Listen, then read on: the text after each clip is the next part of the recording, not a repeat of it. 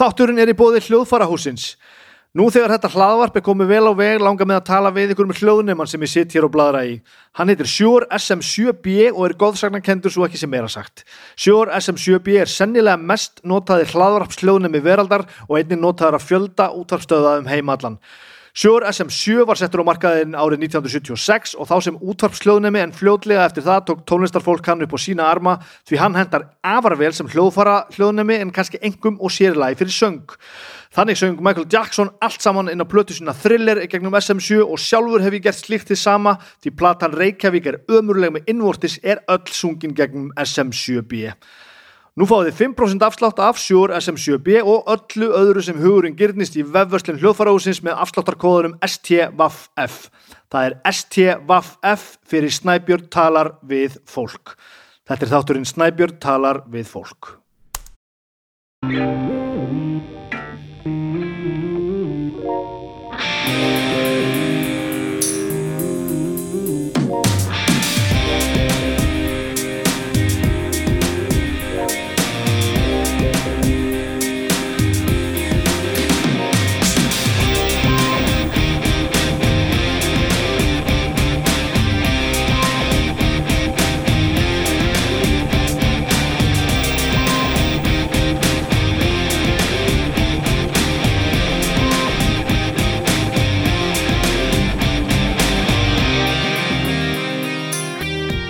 Já, hvað segir þá?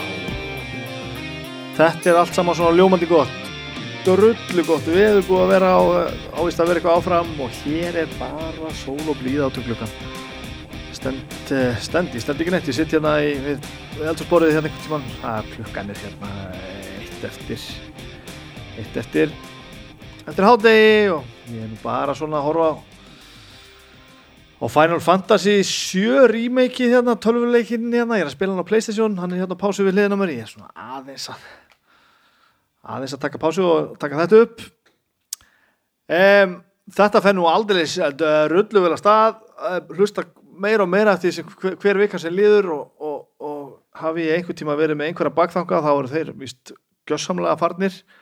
Ég viður kenni það nú alveg þegar að þegar að fyrstu þættinni voru komni í loftið og, og ég fann fyrir því hvað þetta var mikil vinna þá, þá svona aðeins settist ég nú niður og pældi í hvort ég var að fara mér um of og kannski ætti ég bara að gera nokkra þætti og segja þetta gott og sjá hvort ég myndi gera meira ekkert sér setna en svo hefur bara hlustuninn aukist gríðarlega hratt og mikið feedback og mikið á skilabóðum frá fólki sem að finnst þetta ógeðslega skemmtilegt og þá er egoðinu bara þannig að maður stoppar ekkert, ég ætla bara að halda þessu áfram, hvernig sem það hvernig sem það nú áttur að áttur að henda.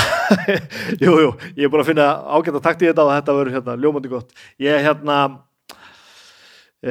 búinn að klúra einu það var reyndar sem betur fyrir ekkert stórkoslega ræðilegt eins og ég nú held ég ágættur í að taka upp hljóð og, og tala um fólk þá er ég ekkert rosalega góður í að taka myndir og ég hef svona insett með það að taka myndir á öllu sem ég tala við og sem að svona myndir af mér og, og viðmaranda sem að svona kannski eru svona notaður í kynningaskinni og ég seti þetta inn með þættinum og svona því getur alveg horta á þetta núna, getur flett upp myndinni af, af ræknildisteinunni ég tók sér satt mynd af mér og Guðrun og Gunnar sérna fyrir síðasta þátt uh, og ég er með myndavel sem ég og Baldur bróður með eigum hérna og þrýfætti og einhver tæmer og eitthvað. Ég er ekkert frábæri að velja mótíf eða, eða, eða hérna, sjónarhóttni eða skoða lýsingu og eitthvað svona þannig að uh, myndin af okkur Guðrun var afleitt. En ég ætlaði nú svo sem bara að láta það slæta sko. Og ef það er að skoða myndina á okkur núna í þessu tölu þá er það ekki sama myndin og ég er að tala um vegna þess að ég ætlaði að láta slæta.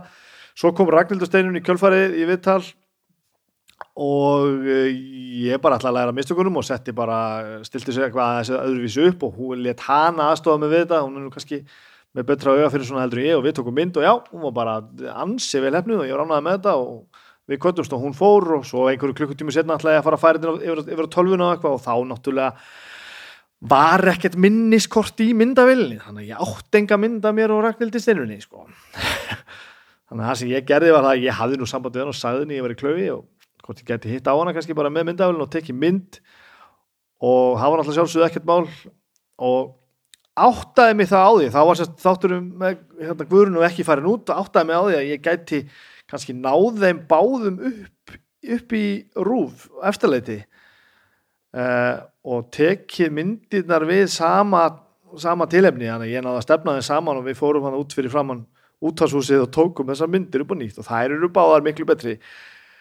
En ég þarf að finna einhver takt í þessu, ég er nú búin að taka upp, upp þætti síðan þetta var og ég er svona ég er búin að stilla þess að þessu öðruvísu upp og vona að ég sé ekki alveg búin að klúra þessu. Þetta er á meðan þetta eru stærstu vandamáli þá þá er þetta svo, svo sem allt í lagi. Ég, ég á mér þann þá stærstu martröð að, taka heilt viðtal og, og, og, og komast á því að, ég hef ekki verið með upptökunni í gangi en þá er ég reynda með hérna. Ég er með pínu bakkuplan en, en, en ájá, vonandi kemur ekkert til þess. Þetta er frábært. Uh, ég þarf eins og að, að einhvern veginn þarf ég að fóra það að núna er komið að sumarfrí hjá mér og krökkunum og Agnes kemur svo í sumarfrí hérna í humátt og við ætlum að fara norður. Ég er náttúrulega frá Húsavík og við bæði fara til Húsavíkur og þá þarf nú eitthvað að huga því, já, einhver við til upptekin en, en mögulega þarf eitthvað að huga því að hérna að taka upp fyrir norðan sem er náttúrulega bara skemmtlegt og það vil svo til að ég er með hérna hlaðarpskittið, hljóðkort og þessar mikrofónu til dæmis SM7 makana sem ég talaði um í ölsingunni statív og alls konar í forláta tösku sem ég kefti ykkur tíman og ræðaði skilmerkil í alls konar. Þannig ég er með sett upp fyrir þess að ég geti rauninni tekið viðtal við sett upp fjóra mikrofóna þannig ég ætla nú kannski að taka töskuna og setja hana í bílinu og, og, fara með hana norður og sjá hvort ég finn ekki áhugavert fólk þar til að tala við. Það getur verið skemmtilegt. Þannig að við fóðurum það ég var jáfnvel búin að hugsa það eins og ég sagði á hann að taka bara pásu og láta einhverja viku líða en, en það þarf að hamra játniða með það reitt þannig að ég finn út þessu, ég pakka töskur í bílinu og, og leysi þetta mál. Gestur minn í dag er Ragnhildur Steinun uh, við þekkjum náttúrulega sennilega flest svona svona gróflega sögu hennar. Hún hefði frá ansi mörgu að segja.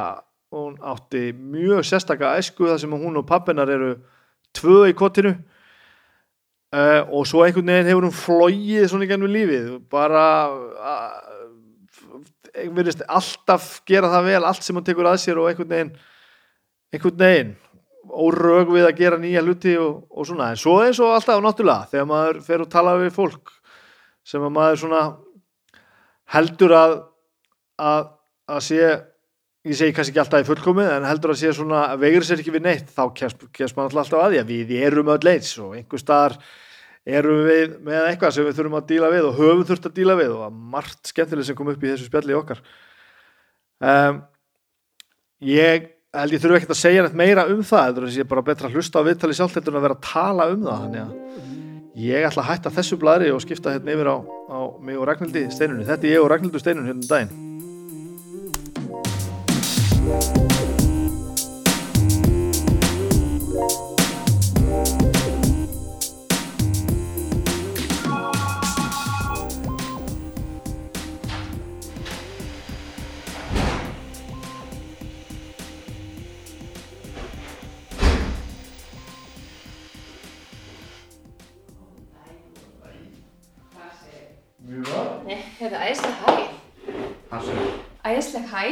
hæð? Þessi hérna, já, Já. þetta frábært. Kekja. Þetta rúla bara sko, bara, þetta hér sko. Já, þetta, nú erum við byrjuð. Já, þannig. Nú, já, bara. já, já. Sást ekki hérna strumpastrættum sem ég... Það er ég bara, ég, ég, ég held að þetta sé til á teipi, ég segði þetta uppátt. Auðvitað verður maður að eiga svona bíl. Ég, veit það. Var, var eitthvað svona hérna? Svo jú, þetta meikar alltaf alveg sens. Það var mynd sem fyndið um daginn, þá var ég með semst, bílalegu bíl, ég var eitthvað eins að leta hérna, gera við þennan Já. og vinnur okkur með bjóð okkur mat. Svo henni fattaði ég bara, heyrðu, við komst ekki öll í bílalegu bílinn. Þú veist, það var bara svona Já, venjulegan bíl. já, fjölskyldan meinarðu? Já, þannig að ég bara þurfti að afbaka okkur í matabóð. Ég bara, heyrðu, ég var að fatta hérna, ég, ég er ekki með bílinn minn, þannig að við komumst ekki. En meina, lífið gerir ekkert ráð fyrir að eigi fjögur börn. Það er bara það, það er ekkert í bara- heiminum sem rúmar sex manna fjölskyldur. Nei, það er bara alveg alls ekki. Það var sérstaklega ekki dagvistunarkerfi Reykjavíkuborgar. Svo sem hún bara byrja að ræða það, sko. Ok, tökum bara, tökum það nú fyrir svona, komum því frá. Nei, Nei, þetta er, já, já, það er bara, kaffi, eða mjólk í kaffi? ég væri rosa til í smá kaffi. Mjólk, já. Já, kannski smá. Ha, Það er nú það sem maður gerum. ég er náttúrulega alveg upp sem einbyrni. Þar til fyrir 13 árum sko þannig að ég er bara, fyrir mér er þetta bara allt nýtt verður svona mörg Já, þetta er náttúrulega bara, þetta er bara hinn, hinn, já, hinn helmingurinn, hinn, hinn endir á spektrumurinn. algjörlega Og kaffi. Já, mér langar bara að byrja að rekja okkur bara þaðan, basically, sko. já, Bara að fara bara, bara aftur í, aftur í bara, hvernig, hvernig þetta byrjaði nú allt saman. hvernig þetta byrjaði allt saman Þú ert svo keflaðið, ég er nefnilega úr Keflæk, býtla úr bænum keflaðið, þá segir maður það. já, úr Keflæk Ég er að vinna Eða frá Keflavík. og maður segir í og á Já. og úr og frá. frá Keflæk Ok, ég veist að nú er ég bara ekki alveg viss sko. já, ég myndi segja það, sko. já, frá Keflæk, skulum bara hafa það þannig já, ég er frá Keflæk og er raunin alinn þar upp? Skjast, takk, já, þangað til að ég fer í, í háskólan henni bænum sko. Já, og, og flytt þá hingað. En annars er ég bara keppingingur í húðahár já, ok. hérna bjó á heiðakvaminum með hérna mömmu og pappa fyrstu árin. Og hérna svo flyttum við til Danmarkur Sönubá þegar hérna mamma og pappi færi ná Já, þá er ég tveggjara ok. og við erum þar e, þangað til í sex ára. Já, mamma var semst í tæknitegnun og, og hérna og pappi var að læra hérna bara bifjálega virki fóru, fóru bara bæðið út og samstiltu það að fara, fara í ná. já, Ok. já. Og okkur líka aðeinslega vilja mörgu það var alveg bara dásanlega tímar. En svo veikist mamma krabbi minni, Þegar þið eru úti. já, við erum úti og hérna og við komum eitthvað hérna aðeins heim eitt sumarið og, og hún er líka í meðferð úti og svona og, og hérna en já, svo flytjum við sagt heim bara þegar hún er orðin svona svolítið veik Já. ákveðum að koma henn heim þannig að við náðum hann fjórum, fjórum árum úti Danmarku Tveggja til sex, Já. mástu þetta alveg? Þetta er svo erfitt sko þegar maður spurði hvað mann þess að allar þessar ljósmyndir Já, og þetta verður ennþá erfiðar fyrir börnin okkar maður er náttúrulega bara, þú veist, maður tekur örugglega tíu myndir á dag sko Já. þannig að þú veist, maður flettir í gegnum sem albúm og, og þú veist, pappir að rifja upp með manni og allt í hennu fer það að svona verða eins og ykkur alvöru minning Já. þannig að hérna mér finnst rosalega erfitt að svona vita hvað ég man sjálf eða hvað mér hefur sagt sko. En hérna, en ég man allan að þetta var aðeinslu tími Ok. og hérna, og rosalega gott að vera í Danmarku sérstaklega með börn held ég líka Aldrei. þannig að hérna, Ég bjóð þetta sjálfur bara þegar ég var unlingur í eitt ár sko. Og það er mynd maður að fatta að þetta er bara svona fjölskyldu hefðin eitthvað sko. svakalega fjölskyldafæn Já. og ég var náttúrulega bara fann að tala dönskuna með kartöflunum í, í hálsunum og, og hérna var hérna náttúrulega á leikskóla og svona að, helstu því það? Nei, alls ekki Ég, hérna, ég tók nú einu sinni viðtala ætla að taka viðtala á norsku ég hugsa, já, ég meina, ég, ég hlýt að púla það ég meina, þetta er ekkert svo ólíkt og ég tók fyrstu spurninguna og viðmæletin horfði bara að mig og segði excuse me, what are you asking about ég bara, já, já, Ok. þetta er greinlega allt farið hjá mér þannig, að nei, maður notar dönskunum svo lítið Já. maður náttúrulega lærði hann aðeins í skólanum og, og, og svona, en svo einhvern veginn þú veist, tala maður hann ekkert Nei. og maður talar eiginlega ensku bara með fyrir Danmörkur, það er eiginlega skandall Ég algjörlega, þú veit sko, ég, ég, ég með Bjössa Steff, hérna, leik, leikarinn um einmitt, ég heyrði, heyrði það og hérna, hann er mitt að tala um þetta, hann, hann, læriði leiklist í Danmörku sko. já, og hann fór inn í skólan á þess að tala eitt orð já, og ákvað það að fara út úr honum talandi eins og hann var innfættur einmitt, einmitt. Og það er, þú veist. Já, ég held að þetta sé líka ykkur feimni í okkur. Já, kakvart nágrunum okkar að, að spreita okkur á dönskunni En maður finnur það svona sjálfur sko maður er, það, ég veit ekki, maður er svo mikill fullkomna sinni, maður er maður er örugur í enskunni og þá leita maður bara þangað, talar hana þetta er mín upplifun sko. Já. ég er þetta ekki góður tungumála maður yfir höfuð sko. en ég er alltaf hættu að gera ykkur mistöku já, svo er þetta, þessi hljóður skrítin sko. ég bara mér finnst, mér finnst svo erfitt að taka mig alvarlega þegar ég reyna að tala dönsku Já, ég meina sama þú veist, einmitt, sko, allar tilfinningar koma öðruvís út, af því að maður er einhvern veginn að hvað er maður að meina? Já, einmitt. Maður er svolítið uh, uh, uh, hérna, og svo var sýsti mín, þú veist, að læra japansku og bjóð út í Japan. Alveg rétt. Og í- það er mjög áhugavert bæði kultúr og, hérna, og tungumál og allt. Já, og svo fórum við og heimsóttum hana vorum alveg við jól og eitthvað áramót og eitthvað ógeðslega gaman sko. Og hún, hún, hún bara reyp brennandi á japansku sem er mjög friki sko, en hún fekk tungumálageni í þínu fjölskyldu. Reynilega já, og þú veist og bara, þannig að maður var með sýstu sína sem gæti í Japan Já. en svo fór hún að, að svona, úst, sína manni hvernig tungumáli virkar. Já. og það er dæmis öll hljóðin eru eins og okkar.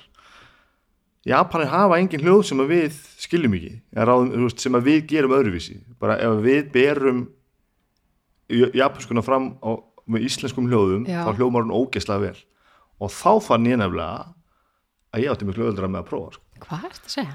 Þannig vissi fattaði ég. Nei, Já. og hann fattaði bara, já, þetta er ástæði fyrir að ég get ekki, veist, fyrir mitt litla líf, sko, beðum gósflösku í Fraklandi, Já. því ég bara, ha, þannig að, kannski, þannig að kannski ekki endilega bara hérna, sko, hjá mér allavega að maður sé ekki eitthvað vittlust, heldur meira bara, hvernig hljómar þetta? Hljómar Já. eins og sé reyður, eða? Einmitt, já, einmitt Er ég ókurtist að ég byggðum þetta svona? Sem er alltaf glórlust, Já, en svo kemur einhver að tala við íslensku sem er 70% og maður bara, geði, Já, bara það frábært. er algjörlega, maður bara dáist að öllum sem að reyna, sko Já.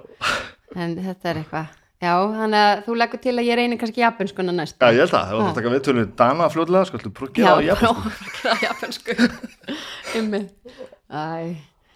En það er um svo fyndið, sko. Mér er alltaf svo skrítið að setja hérna með einn borðsinn, sko. Því að, Já, veist, já. ég finna bara, mér langar að fara núna bara að spyrja það út í það sko, og það, hérna. það, það, það, það maður er svo vanur sjálfur að hafa stjórnina og hérna spurningarnar. Þannig að ég er alltaf, það alltaf að minna mig á að hérna, ég á að vera að svara núna, einmitt, Já, en ástæð fyrir að ég byrjaði með hann þátt var samt það, sko. Já, Að að þér finnst gaman að spjalla. Já, já, að mér finnst líka gaman að hlusta á viðtöl sem er ekki viðtöl, sko. já, einmitt. Já, rosa, ég, ég er búin að vera hlustaði sko, ég er svolítið ánæg og skildi bjóða mér því að vant aðeins má hann að einhverja kvennmenn sko hjá þér þannig að, já, að ég við- á, á ég að ræða við um það? mm Ég, eitt sem ég er búin að koma að stað, Ok. ég er náttúrulega 42 ára gammal loðin, loðin kvítu kallmaður, sko. Eh, það gengur miklu verð að fá kóruðum til þess að bæði segja já og til þess að metta. hvað ert að segja? Já. Og eh, hvernig ert að bjóða þeim að koma? ertu að, ertu að tala um kaffipollan og, Já, já, þú veist, og og bara... sveigjanlegan tíma alveg klálega, og, þú veist, og, bara, ég skili þetta mjög vel sko.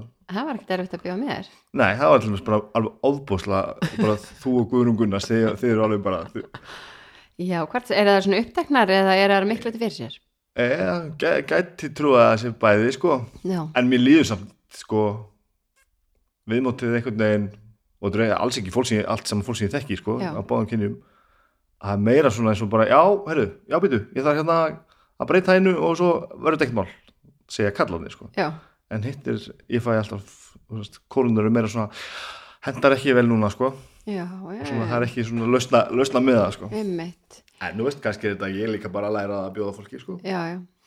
En ég meina það hafa margir haldið ég fram að konur séu varkárari þegar það kemur að viðtölum og það er einhvern Já, veginn ok. þóri ekki að stíga fram og tala er reyndar þetta náttúrulega ekki þetta var það ekki til málefni eða eitthvað þannig maður er svolítið bara að tala um sjálfum sig að ég held. já, já, og hérna, en að það er einmitt eh, þegar kemur að fjölmýlum og svona það er vilja ekki hérna mæti sjónvarsviðtöl og útvarsviðtöl nema vera bara með allt 100% já, allar já, staðrindir ok, í málinu. ok, ok. en hérna, ég veit ekki, sumi segja það sem mýta, aðrir ekki.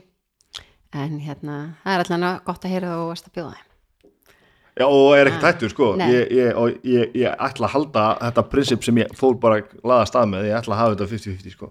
Gott, af því að ég, ég er mikið alveg talsmaður þess að það sé allt betra þegar það er 50-50 Já. ég er að vinna á Ég- vinnustað á auðlýsingastofu já, það sem er mikið gert með að passa sko að teimin séu mönnuð af helst sem jafn, jafnast sko. Já. og það er alltaf best alltaf.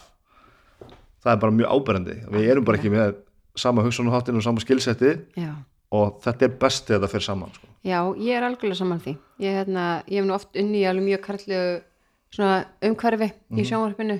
Alltaf mikið að kvikmyndatöku fólkin okkar og, og pródusentum og svona hafa verið kallar og hérna, ég finn gríðlega mun þegar hérna, þegar konurnar eru dregnar með inn í heiminn sko. Og hérna algjörlega, þannig að þetta er mér mjög hugleikið. Og líka bara þegar maður eignar spött þá byrjum maður svolítið að svona velta fyrir sér þessar ásýn hvað eru þau að heyra og sjá krakkarnir. Mm -hmm. og hérna og þú veist dótti mínu svona aðeins byrjuði með þetta fylgja svolítið með náttúrulega þetta aðeins fréttanum og hlusta náttúrulega svo mikið á þessum podcastum og svona. Já, og þá er maður svolítið meðvitaður um þú veist, er hún að þú veist, hlusta og sjá bara kallmenn eða er konundar ekki örglega líka þarna? Já, já, já, þarna sem að við vil svolítið að þau alist upp í. Já.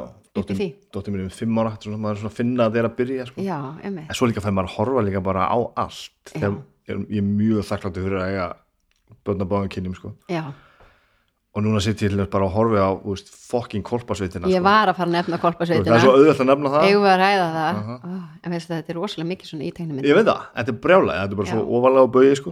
svo Jóngir lísti þessu, þú kolpasveit þú þátt bara að kalla góður Nei, þetta er hérna, já, þú veist, og ég held í miður oft er þetta kannski ómeðvitað bara, þú veist, hjá hérna hugmyndasmiðum og höfundum og framleiðundum og svona, Já. þá er þetta bara svolítið svona, þetta er, ég veit ekki, svolítið rótgrói okkur þannig að, þú veist, oft kannski bara byrjaðar handreitvinninu og skrifa eitthvað eh, á þess að veltaði eitthvað mikið fyrir sér, Já. en ég held að sé rosalega mikið að þetta leiðrætt þetta og líka bara öll gömlu íslensku lögin okkar þú veist, það þú veist, ég meina, jólasveinar 1 og 8 þú veist, það er aldrei talað um jólasveingurnar sko. Hvers vegna komist þær ekki til byggða Já. þú veist, allt þetta Adam átti sínu sjö þú veist, Já. þetta er allt bara það er alltaf, það er alltaf sungið um kallana sko. Ja, eða kallar að syngja til hvenna sko. þá er alltaf sko erla góða erla og það allt saman sko. já, þá er það oft ennþá vera sko. já, já, það er bara einmitt þannig að það er alltaf, alltaf sjónarhóllin er alltaf frá, frá kallmannunum sko. En við erum nú heldur byttu komin langt, maður finnur það að er hérna, þetta er allt á, á réttri braut Já, að, meina algjörlega sko, en, en, en maður heldur ekki passa sig, maður þarf líka að passa sig á að, að, halda ekki að maður sé komin þangað eða rétt að verða komin þangað af því að við erum ansi langt frá því sko. Já, við fundum þetta mitt upp í rúf að við heldum að kynja hlutin væru kynja hlutvöldin væru nokkuð jöfn hjá okkur þannig til við fórum að hérna, beða dagskrifna fólkum að skrá niður bara kyn sem að koma fram í þáttunum hjá. Já, hlutföllin var jöfni í dagskrarefninu, ekki í starfsfólkis. Já, já, í dagskrifninu og hérna, og þá bara kom í ljós að það voru miklu færri konur. Þannig að þá er þetta líka bara þessi svona skekkja í okkur sjálfum að halda hlutinni séu einhvern veginn. Já, og svo þegar maður byrjar að kortleggja og skrifa niður og, og, og skoða að þá er það ekkert endilega eins og maður heldur mm, þannig að hérna en núna er sem sagt höldum við kynja bókald og það er skoðað í hverju mánu og passað upp á að, að hlutveitin séu það er náttúrulega erfitt með fréttir og svona vegna þess að það er, eru svolítið að endurspegla já, samfélagið og, og meðan kannski það eru þú veist, hérna einhvers karlkins fórstjórar í skráðum fyrirtækjum og eitthvað þetta, þau eru þeir þá frekar kannski að svara fyrir eitthvað annað en hérna, en þetta er allt í rétt átt. Já, já, maður finnur það líka í minni vinnu sko, að þetta er rétt átt en, en sko maður þarf oft og ofbóðslega oft að þú veist leiðrétta hugmyndir sko, Einmitt. að þetta er svo fast í manni sko. já, en þú veist, maður svona bara, og ekkert bara fjöldin heldur líka bara hlutverkin sko. Já. Þú veist, við erum ennþá bara ef það er verið að tala um el eldamennsku þá er, þá er það bara ennþá konur veist, og, og gera við bílinn eru bara automatist kallar þetta er Einmitt. bara, þú veist og þetta er rosalega fast og gróið í manni sko. já. Hefur lent í því að bara vera komin í tökur á auglýsingu og allt í hennu bara áttið ykkur á bara, heyrðu, þetta er ekki hægt bara konan er að reyksa bara Nei. þú veist, kallin er að nei, við erum komið lengra þannig sko. uh, við erum líka við erum komin nógu langt Mm. ég er búin að vinna við þetta núna í að vera 8 ár og allan þann tíma hefur þetta verið nógu ofalega þannig að þetta er alltaf eitt filterinn sko. já, einmitt Það, þetta fer alltaf í gegnum þennan filter bara þú veist, e, e, við erum ekkert að skjóta okkur í hausin hérna með, þú veist, með, með það stereotýpa kyn, kynþætti, þú veist, hvað sem það er sko.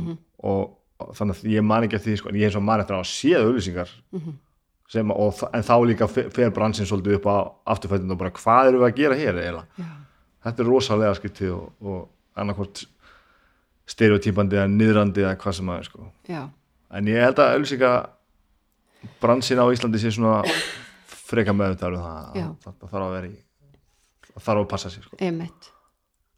og oft líka þá kannski frekar íkja hinn áttina ef það er hægt sko. af því að við þurfum að ná balansnum yfir sko.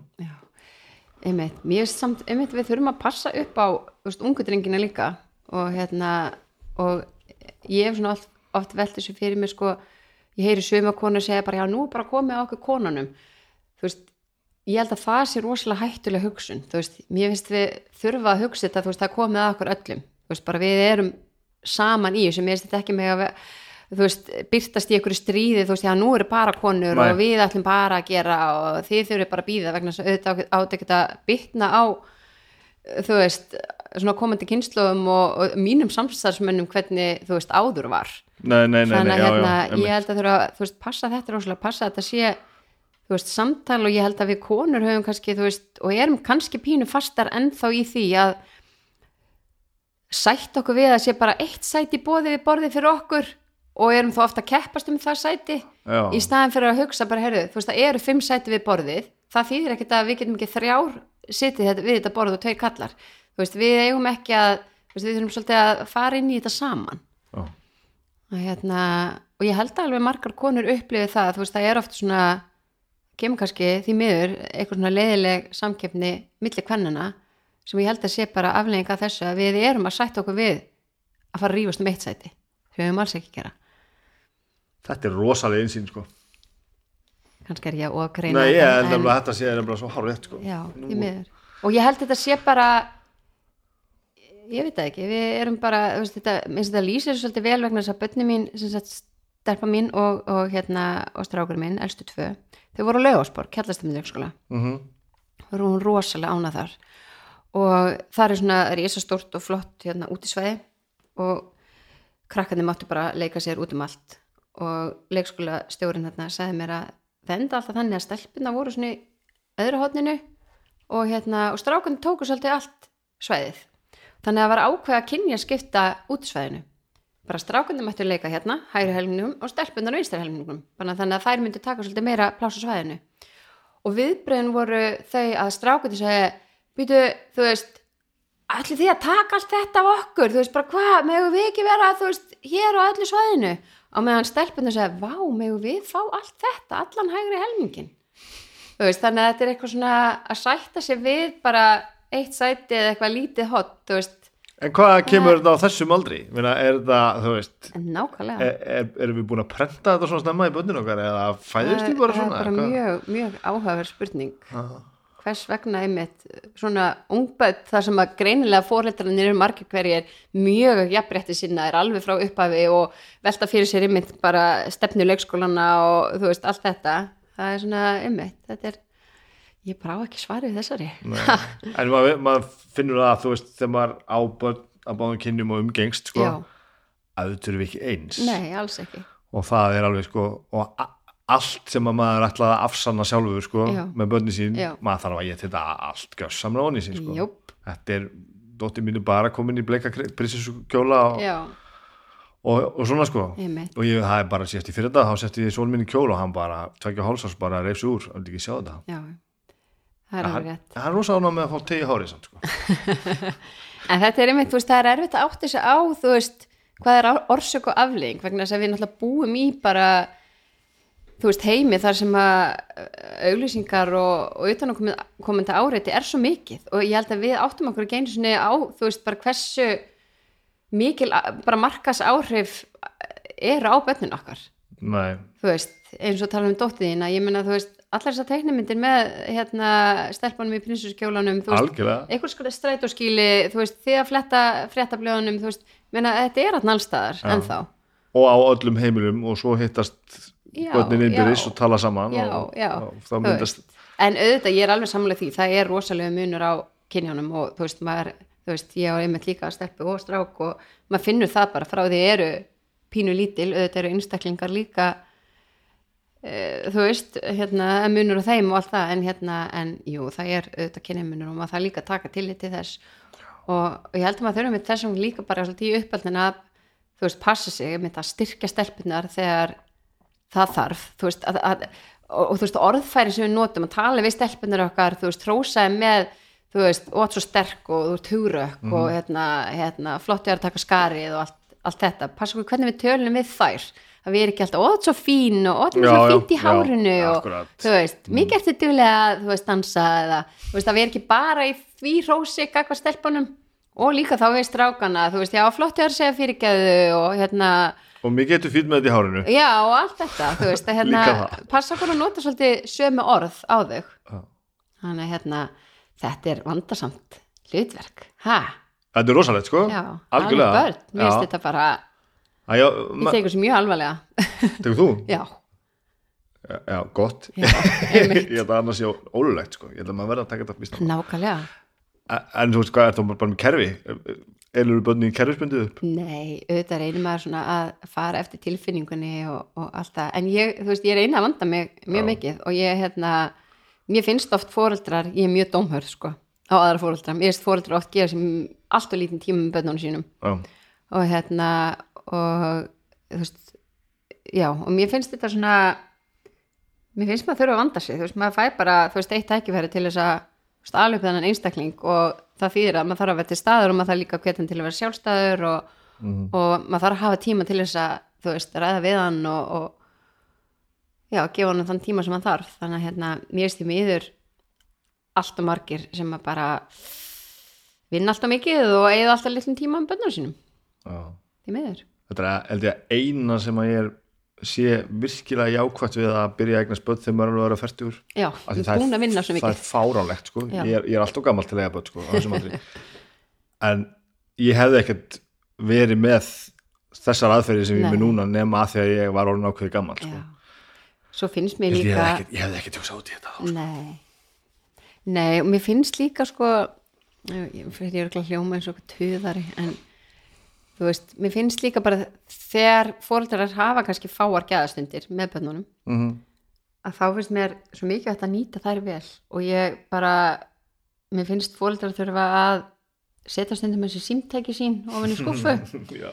því að þú veist þar eru við fyrirmyndir og þú veist fóreldrar sem eru með börnunum sínum á kaffehúsi og eitthvað staðar, gera eitthvað skemmtilegt allir saman heldur það sé ekki pyrrandi að þú veist mamma eða pappi séu alltaf í símanum að skrolla á MBL eða Facebook til þess að missi ekki á ykkur ég bara, ég þarf að passa mig á þessu eins og við vantarlega bara bara við það öll ég er bara sjálf sekum þetta en þú veist þetta er bara mér er svo opaslega mikið að hafa þetta í huga. Ég finn mig sjálf á mig sko að því nú er ég mikið að hugsa um þetta því að ég þarf að stundum að hafa mig allan við til þess að halda orku bara Já. í gegnum þetta allt. Ég veit þetta er ósengat þú var tvöfald fleiri börn en ég.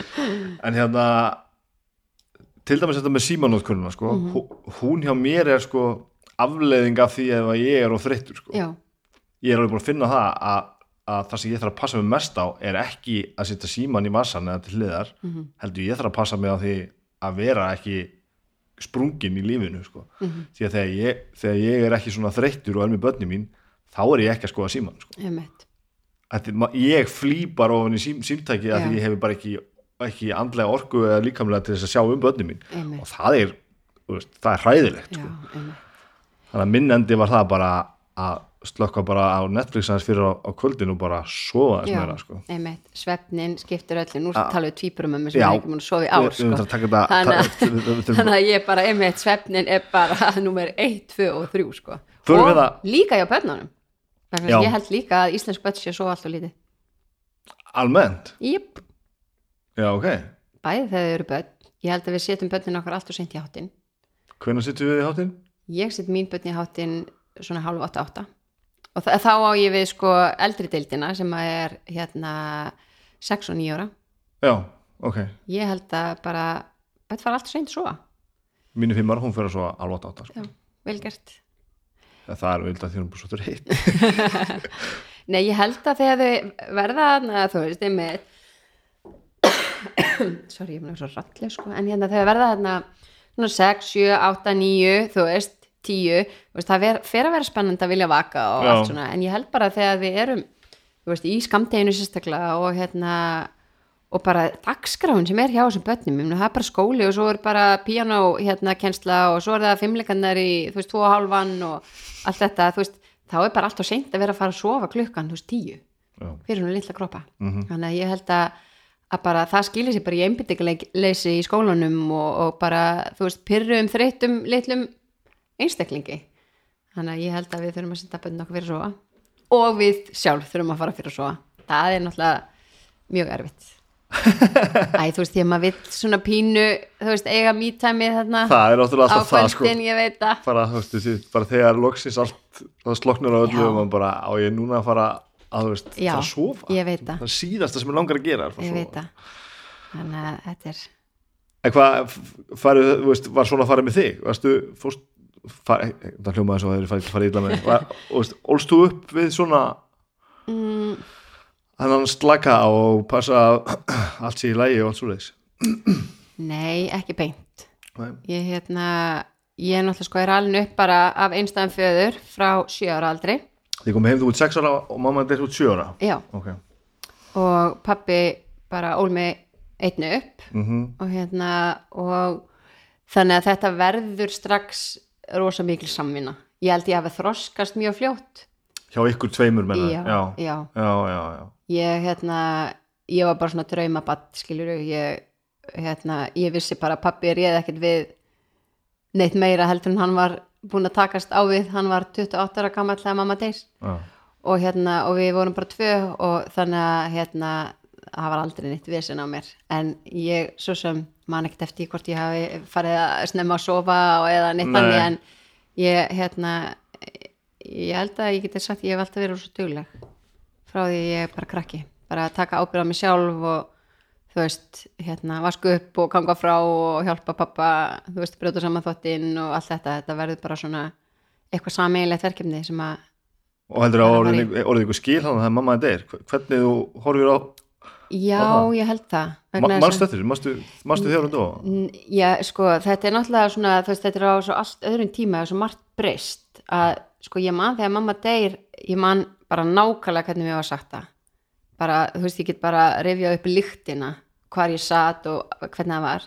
En síðan tekur bara við bara eh, svona blackout í ár, ég man ekkert. Já, Og það held ég að sé bara svona aflegging af bara einhverju áfalli. Og náttúrulega líka á þessum tíma það var allt öðru sér staðið að þessu. Eins og með bara þú veist að kveðja þú veist náun ættingja og allt þetta. Þetta var, það var svona verið að reyna að hlýfa börnunum. Já, og hérna þannig að mér var bara svolítið kift út úr aðstæðanum þannig að ég held að ég hafi bara svona farið í svona hálgert frost. Og hérna en síðan svona þegar ég fer að svona muna eftir mér aftur að þá svona fann ég bara að það var náttúrulega svakalegt áfall fyrir föðu minn að vera svona ungur og búin að missa hérna æsku ástina sína þannig að þá fann ég bara, ég þroskaðist mjög hratt, ég fann bara, herðu þú veist, við erum bara í þessu saman og hérna og, og ekki síður vegna þess að pappi minn lendir í alvarlegu bílslýsi bara ári eftir að mamma deyr, rúma ári og lendur á spítala. Og þá man ég þess að hugsun sko, er ég að fara að vera munalaus þú veist ég var átt ára gömur já, og ég hugsaði bara, heyrðu, pappi komin á spítala mamma er dáin, þú veist, nú þarf ég að standa í lappinnar veist, þetta gæti farið þannig að, þú veist, það farið að ræða hérna að senda mig eitthvað fóstur, sko. Þannig að, hérna, og komið þroska til þess að hugsa þetta allt. Ég held að maður neyðist bara til Já, þess, já. ég veit það ekki. Og hérna og einhvern veginn eftir það, þú veist, pappi var eh, svona slappu til hleysunar og svona eftir það. Og hérna brákuðist efstu hryggjarliðnir hjá henni með hálsliðnir og hann í raunin bara heppin að lamast ekki. Og hérna og þá einhvern veginn bara hellist yfir maður bara eitthvað svona ábyrðar tilfinning og maður bara ég veit ekki, maður bara fullornast mm. þannig að hérna, mér fannst einhvern veginn mitt uppeldi það engindist bara að því að við vorum bara, þú veist, að ganga saman í takt, sko. Ég hérna, og þú veist ég man aldrei eftir að pappi hafi þurft að skamma mig til dæmis, Nei, ég held að hérna, ég hafi öðlast svona eitthvað læsi inn í aðstæður og það er eitthvað svona sem ég finnst ég ennþá búa yfir í dag. Bara svona að, að lesa svolítið í æskilun mig, bara svona ástandið og, og þú veist hvað hvað er í bóði og hvað ekki. Já, og hérna já, þannig að þetta bara eitthvað neginn þú hérna þú, þú talar svona frekar bara já, jákvæmt um þetta, að þú veist hvað, hvernig var þetta? Þú, þú veist, já, þessi, þessi samvinna á þetta, þú veist, það hljóma meira svona sem þetta hafi verið svona litið á þetta þú veist, sko ég á náttúrulega æðislegan pappa ég Já. bara, ég bara, ég held að ég sé náttúrulega bara einstaklega heppin hvað ég á góðan pappa og hérna hefur alltaf reynst mér alveg frábærlega. Og við erum mikill vinu minn bara í gegnum þú veist, allt uppeldið og úlingsárin og þú veist, allt þetta. Og hérna og hann skemmtilegur og hérna já, bara alveg magnaður. Og já, og ég veit ekki þetta er svona ég held ég á kannski ekkert vera á þessum stað fyrir þú veist 20 árum eins og ég tala um þetta núna og sérstaklega varandi móðu missin og eitthvað en svo einhvern veginn þarf maður að taka ákvörðin því að þú veist, auðvitað er maður, þú veist, ég man alveg maður úlingur og þú veist mm, svo ömulegt að akkur þú veist ég að þú veist, missa mömmu og þú veist, allt þetta. En síðan ákvað ég bara, herðu þú veist, ég er ána með hvernig manneska ég er í dag, þú veist, ég held að ég sé góð manneska og ég reynda þú veist, vera góð manneska og hérna og auðvitað er það út af því sem ég gekk í gegnum. Þannig að maður þarf einhvern veginn að reyna að líta á einhverjar jákvæðar afleðingar að því versta sem að gerðist fyrir mann í barnesku, skilur mig? þannig að hérna, og ég held að þegar maður þú veist, kemst yfir það að þá hætti maður einhvern veginn að ég veit ekki, lifi í deburðinni veist, þá bara þá er maður bara uh, komin á aðeins betri stað mm þannig að hérna, það er kannski þess vegna sem finnst ég tala um þetta svona eins og þú veist, eins og þetta hafi þú veist, ekki verið neitt mál en ég meina, auðvitað Nei, ég veist kannski upplifið það ekki þannig sko. en, Nei. en ég, einmitt mér finnst svo fallegt þegar að þú tekur áföllin sem þú lendir í og notar þau einhvern veginn til þess að, að stækka það sem þú hefur í, í sko, verkvæðarkistunni sko. af því það er ákveðin forréttindi að hafa orðið fyrir einhverju sem að, sem að, sem að gefur manni insýn í, í, í hlutina. Þó að þessi náttúrulega, ég er ekki að segja þessi forréttindi að missa fólki sitt af því það er náttúrulega sjálfsög ömulegt en það er alltaf að taka eitthvað úr því sem að algjörlega. Og það er svo skiljanlegt að maður geti það ekki strax. Þú veist og ég held að fólk kannski sem er að hlusta þetta og kannski nýbúið að lendi þú veist, okkur er ég ekki að ná þessu strax vegna þess að það tekur bara tíma. Mm þú veist, það tekur tíma að komast á þann stað að geta þú veist, hort tilbaka með einhverjum svona augum, sko. Já, já, og maður þarf bara að leifa sér að fá einhvern veginn þann tíma. Þannig að en já, þannig að ég einhvern veginn bara þú veist, þrátt fyrir að þú veist, hafa náttúrulega mist mömmu og sem að var, þú veist eh, það versta sem að maður hefur upplifað bara á lífsleiðinni og allt það, þá samt líti alveg bara tilbaka með svona hlýtt í hjartanu yfir bara mína barnæsku og hérna ég átt ótrúlega bara svona fallega og góða barnæsku þrátt fyrir þessa erfileika sko. Og bygguðu þessu bara alltaf töða já, við byggjum bara alltaf tvö. Og hérna við pappi og hérna ég var bara í sem sagt fimmleikum og æði líka körubólta og, og bara í skólanum hérna í Keflæk og hérna og síðan búa sem sagt hérna byggjum sem sagt bæði hérna mamma pappa amma mín, amma Sigga hún bjó líka Keflæk og svo fóreldra mömmu. Þannig að hérna ég umgjöngst þau líka svolítið. Já. og svo bara var ég rosa heppin eignast bara rosa góða svona æsku vinkonur já, sem að þú veist fylgja mann ennþá. Já, þannig að hérna, en ég man alveg þú veist, man svona stert þú veist þess að tilfinningu þú veist að standa í hurðagættinni þú veist, hjá vinkonum mínum og, og sjá eitthvað fjölskyldi lífið þú veist, það sem að þú veist eins og Berglind skóladóttir vinkonum mín sem að bjóa hátegnum þú veist, mamma hennar búin að baka eftir skóla og þú veist, hérna eldri sýstir hennar og yngri bróðir einhvern veginn heima, sýstir hennar æfa svo píanóið og pappa kom heim á vinnin og, og veist, allt þetta líf, þú veist, auðvitað hugsaði maður oft svona, ah, ég vil það, þú veist það er svona hjá mér, þú veist já. menna, þú veist, heima var þetta bara þú veist, það er náttúrulega bara ég er eiginlega alin upp á, sko, pakkasúpum og homblesti, sko. Það er bara gott báðu megin, okay. en hérna þú veist, það er bara allt allt, allt öðri sig allt heima hjá mér, skiljur við þú veist, og, og þú veist, auðvitað bara þú veist, horfði maður oft lengunar augum einhvern veginn, þú veist, á þetta. En þú veist fundið þetta var öðruvísi Já, ekki bara já, já. að því að þú varst bara hjá öðru fóröldrinu þetta er líka bara öðruvísi. heimilega var öðruvísi Já, ég meina eins og pappi duglegur að elda núna að, að þú veist ég meina, ég man til dæmis að það var bara geggjað það pappi gerir svona pakka lauksúpu Mhm.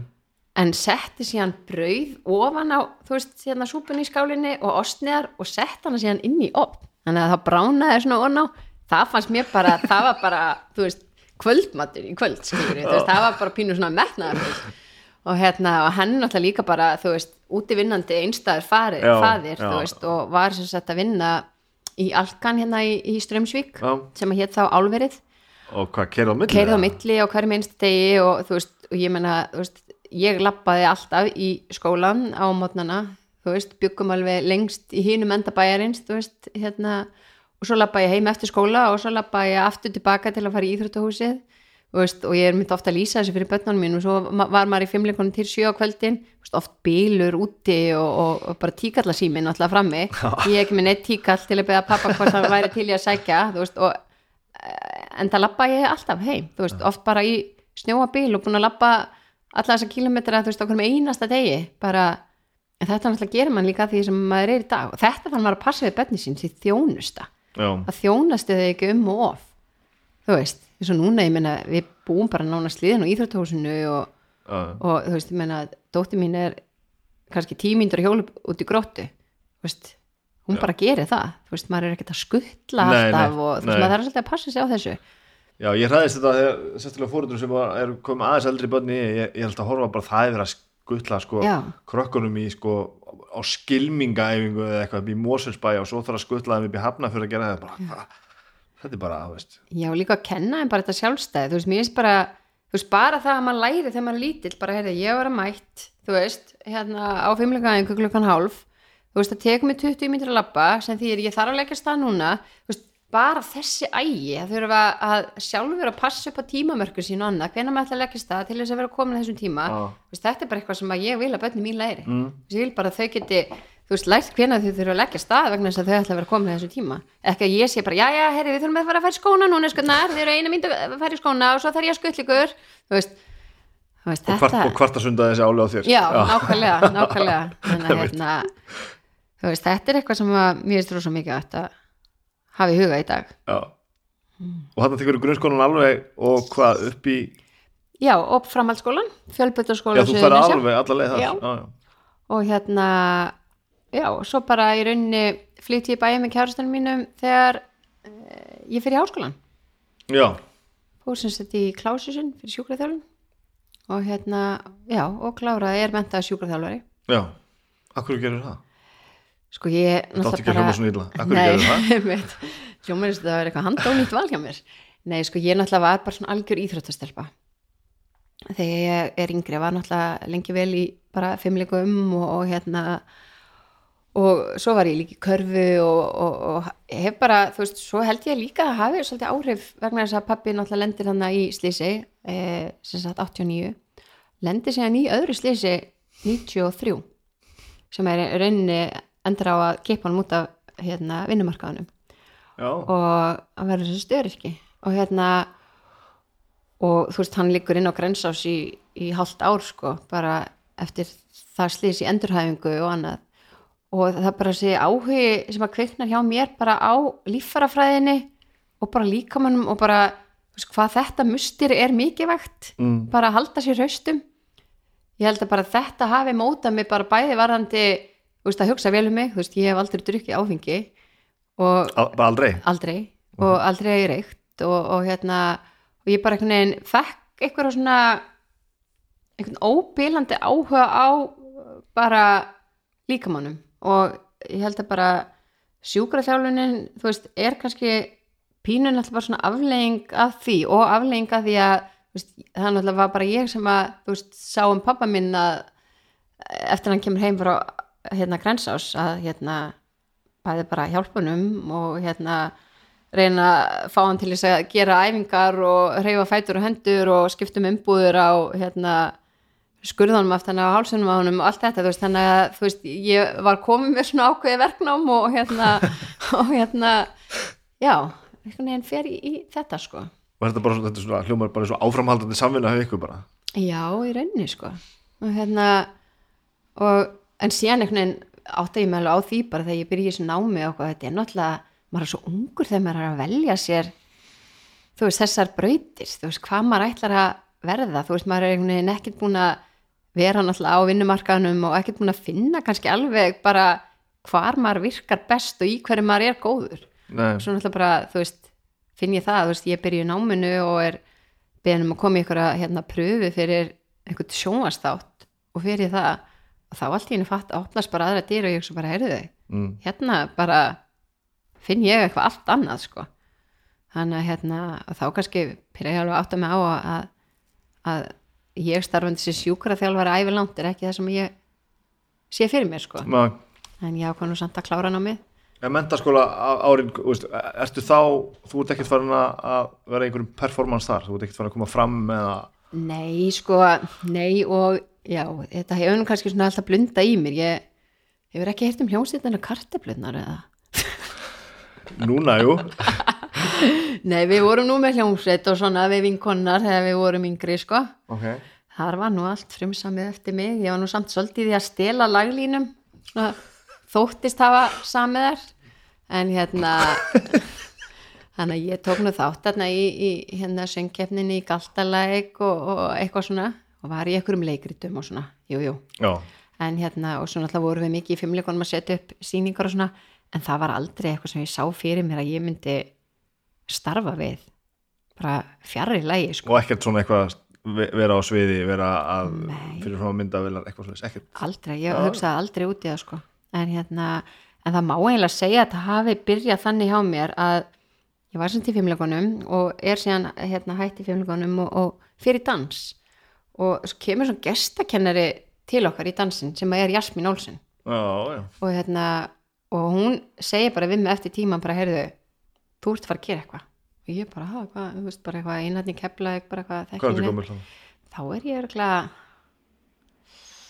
ég er kannski svona 19 eða eitthvað. Myndi ég halda, 18, 19 kannski. Já. Og hún bara ræði mig í mitt fyrsta jobb og hún svolítið kemur öll í gang hjá mér. Og bara einhvern veginn hefur já henni óendalega mikið að þakka. Hún hefur einhvern veginn alltaf verið bara rosalegu stuðningsmæður minn. Og einhvern veginn ég held að hún hafi séð þetta svolítið fyrir sér hvert að ég væri að fara í staðin fyrir mig. Ég nokkuð tímann hefði eitthvað séð það fyrir mér þú veist, hún, hún hérna og þá fer ég, þú veist, er að dansa í sýningum í henni og hérna og er síðan beðin um að hérna fara í einhverja leikpröfur og er í hérna var bæði í Feim sem var í Smáralindinni. Að Jónsi var hann í aðalhutverki og rosa skemmtlegt þar var ég nú bara svona eitthvað dansari og, og hérna svo var ég í fekk ég smá hlutverki í Kalli á þakinu hétt svo sýning já, sem var sveppi í borgarleikusinu þar hérna það var kannski svona fyrstu línutnar sem að ég var með í eitthvað svona stóri sýningu. Já og síðan bara einhvern veginn eftir það þá er ég beðin að koma í pröfu fyrir Ástrabíu. Já, það er bara hann strax. já, þá var ég náttúrulega bara hafði í rauninni einhvað þannig reynsli sko. En hérna En maður vissi hverju varst þegar á, það var út á einhverju. við skulum gleyma því Æ, ég mást að þess að hann að fegur að samkeppni Þú fórst, þú við ert skulum náttúrulega- ekkert ræða það sko Við þurfum að ræða það. þannig að það er, já Er það, er það eitthvað sem þið finnst leiðilt að ræða? Nei, sko, mér er bara svo leiðilt að vera eða það er nú búið að batna núna en það fór óstjórnlega töðunar mér eftir bara allt sem að ég hafi gert hvort sem það var að leika í bíómynd eða framlega heimildamynd eða eitthvað að, að þegar það var alltaf svona í blöðunum eitthvað svona fegur, fyrir um fegur og drotning, ég var bara, oh, þú veist þannig að ég var búin að ná að losa mig við það já, og hérna og já, já, ég meina, þú veist maður tekur eitthvað tímabil, þetta var eitt af því þannig að hérna að fara í fyrirsækjum. já, já, þetta bara þú veist, þetta er ekkit efstan á listanum sem að hérna, þú veist, það er ekkit, ekkit Hefur bara verið að sleppa þessu það? sko, maður má ekki hugsa svona Nei. þú veist, myndi ég í dag sætta mig við að dóttir mín tæki þátt í svona? Aldrei, Ok. aldrei. Hefði ég viljað sleppa þessu sjálf? Nei, vegna þess að þú veist, þetta er bara eitt af því sem að móta mann, skilur þú veist, ég, þú veist, ég man að þegar ég fór inn í þessu keppni, ég hugsa bara, ég ætla að fara að vinna. Já, þú veist, það hlóa allir að mig bara maður fer, þú veist, þegar maður fer í fjörðsakefni maður hugsa bara, bara reynsla, bla bla. Ég bara, nei, ég ætla að vinna.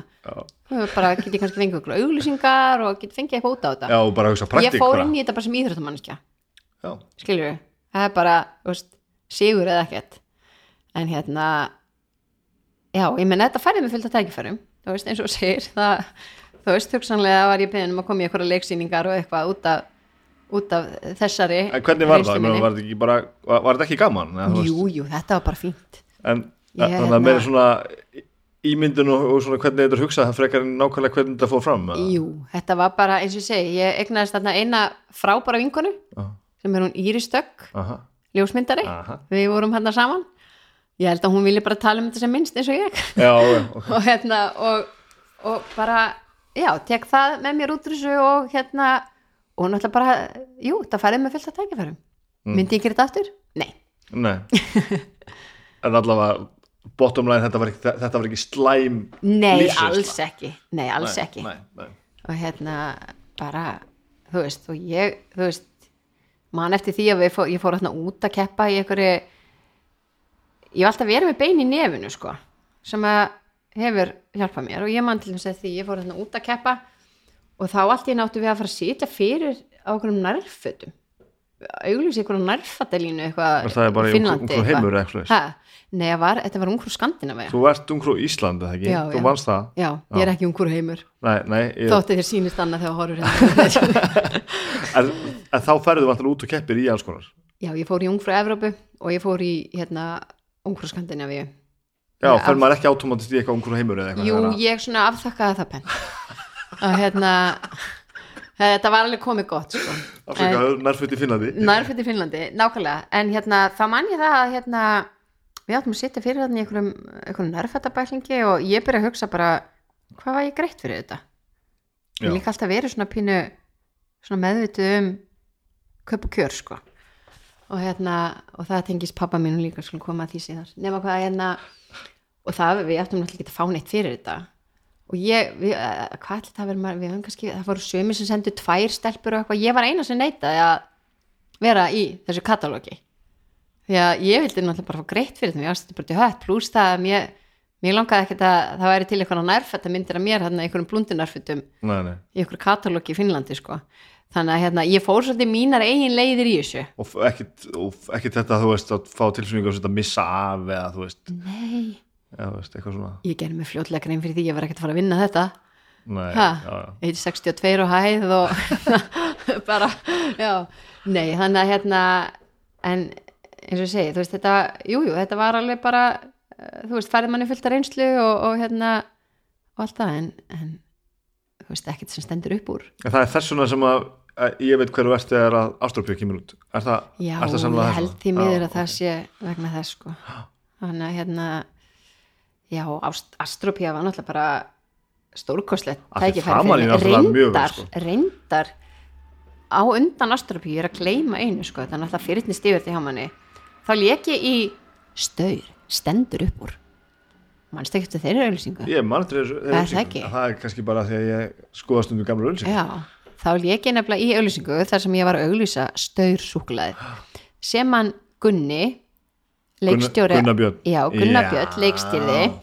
Og í einni auglýsingunni sko ég nefnilega hérna, slagorið var annað. Staur alveg þráðbeinn já, og þegar ég hef beðin um þetta þá eh, náttúrulega vildi ég hafa svona mín áhrif á þetta.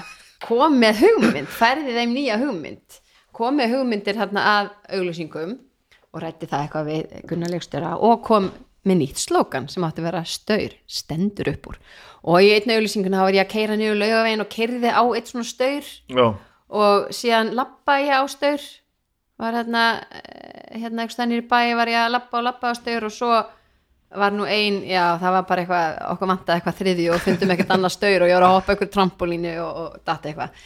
En hérna þannig að það, ég vinn með Gunna þá og ok. ég held að það vera út af því sem að Gunni vildi fá mig í Astropíu hann átti að leikstýra myndinni, var náttúrulega búin að vera vinna í handritinu heil lengi með þeim og uh, baði mig að koma í pröfunar og hérna, og ég bara já, frábært og Gunni er náttúrulega frábær Já. hann er æðislegur frábær, maður og bara hvernig höfuð á hann virkar, Já. það er bara eins og einhver ævinn til að heimi hvernig hann sér allt fyrir sér og bara, ég hugsaði bara þegar ég settist niður með hann bara, vá, ég vil vinna með þessum manni sko. Mhm. og hérna fer hann í pröfunar og ég held að það er bara gengið ágætlega og ég sest til samninga með Júla og Yngvari og þeir buðu mig bara allt og lítið fyrir þetta aðalhutur já, ok, en ég sagði bara nei og bara gekk út og hérna og tala um á hann að vera eitthvað svona hrættur að missa tækifærum, ég hef aldrei nei einhvern veginn verið það, það. það kemur inn á nákvæmlega sama já, og hérna ég hugsa bara, já þeir finna það bara eitthvað annan ég veist, ég bara ætla ekki að gera þetta fyrir En þú ert að hugsa þetta þannig þá, þú ert ekki svona, þú veist, fer bara inn bara og ert að vél út meiri pening, þú ert bara til að bara Fannst þetta bara bara sem við að labba- mér? Já,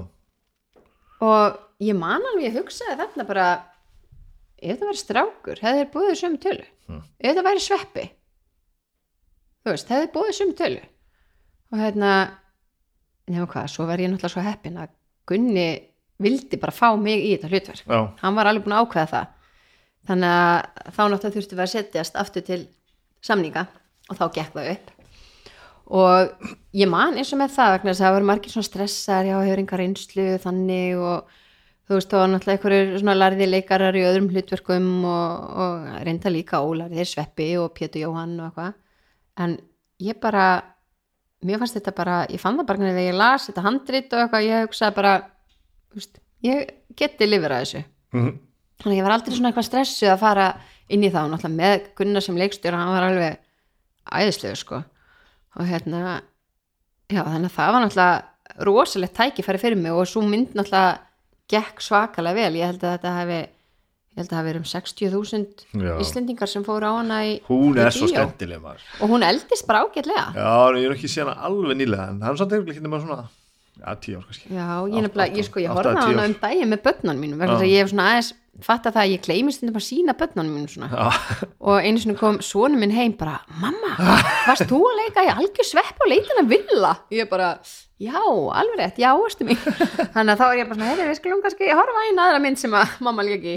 ég og hérna, já, þetta var ótrúlega skemmtileg reynsla Já. Það og náttúrulega hitti mér náttúrulega beint í hjarta sko, allir þessi nördagangur og, Ert þú, ert þú svona roleplayer eða? já, Eða? ég og, ég og Bjössi spilur saman D.O.D. einu sinni í viku sko. Í alvöru? ég er í, í, í spunaspil spilahóp Hm. með bestu leikurum þjóðarinnar það er mjög gaman Vá, það er alveg stórkvæslegt já, það ég bara kem heim bara skælbrósandi bara, þú veist, klukkan eitt á nóttunni búin að hitta svona hundra manns Er þetta ekki bara landaeinslag? jú, klálega Að fylgast með ykkur í þessu? já, að bara Eru þið og alltaf þe- með og sama þeim, karakter? þeim sérstaklega, sko. já, við erum, við spilum við skiptum álæðin á tvo stjórnundur þannig að við erum alltaf með tvær sögur í gangi, sko Kottans með þinn karakter, hvað er hann?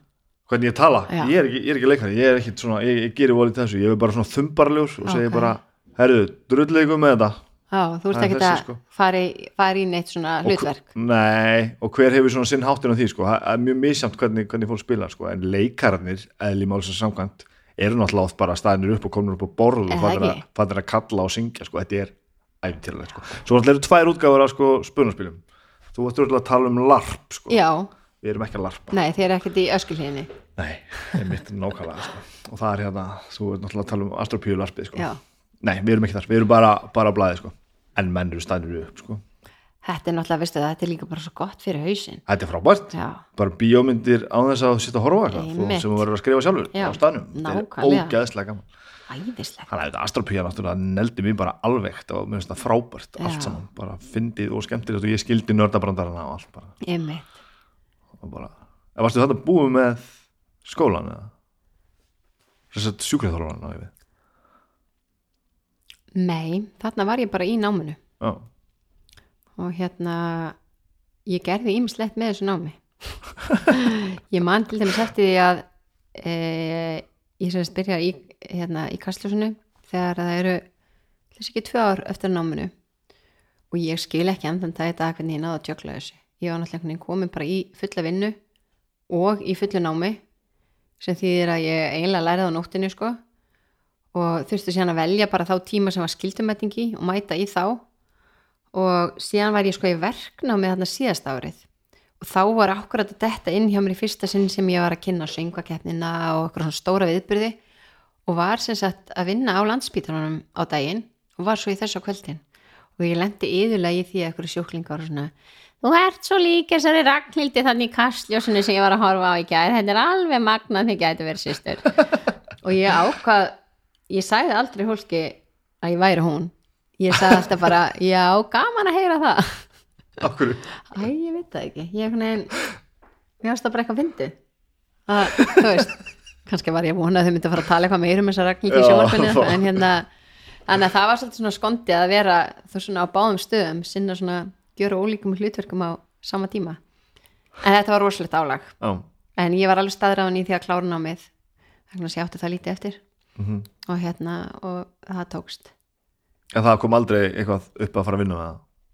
Nei, ég var í rauninu komin á fullt bara í sjónvarpinu þegar ég er að klára námið og fann bara þar voru bara fullt af ótrúlega spennandi tækifærum sem að bara gripið mig sko. ég bara einhvern veginn ég eiginlega náði ekki einu svona staldra við og hugsa þú veist hvort ég ætla að fara til hægri að vinstri sko. þannig að hérna bara námið bara nei, ég kom aldrei til greina að fara að starfa við það sko þannig að er það bara eh, basically eftir astropíða sem að þú bara, þú veist, labba bara inn í inn í, inn í þessi jobb þessi, kastljósu og allt þetta spyr svo erfiðar spurningi, maður ekki koma eftir og, og Nei. sko ég hérna, það sem ég er í rauninu að spyrja þetta gerir Já. svolítið bara svona, ég ætlum ekki að segja af sjálfu sér, en Já. svona þetta, þetta eitt leiði bara öðru og þú bara þú ert endu, endar bara fyrir, fyrir saman kameruna bara sko þetta var reyndar þannig að eftir feim söngleikin stóra í, í smáralindinni.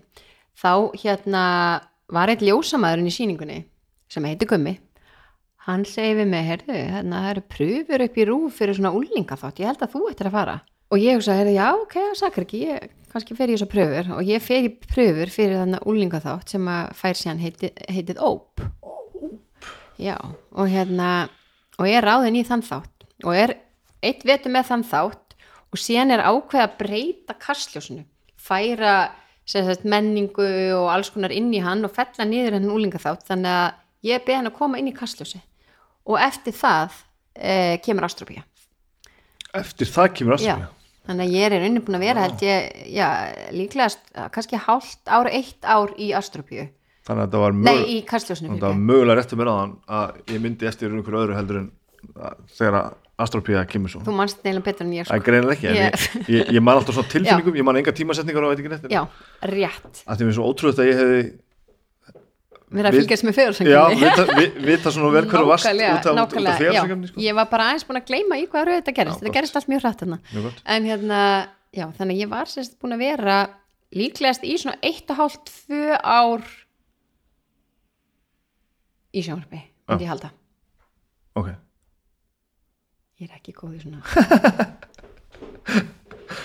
Að þú, að þú búin að vinna fyrir svona myndavæla síðan bara, já, það er bara þannig? Ég hef ekki sloppið úr efstaleitinu þú búin að vera upp í efstaliti síðan? Já, ég hef bara verið ég bara, ég brenni mert rúf.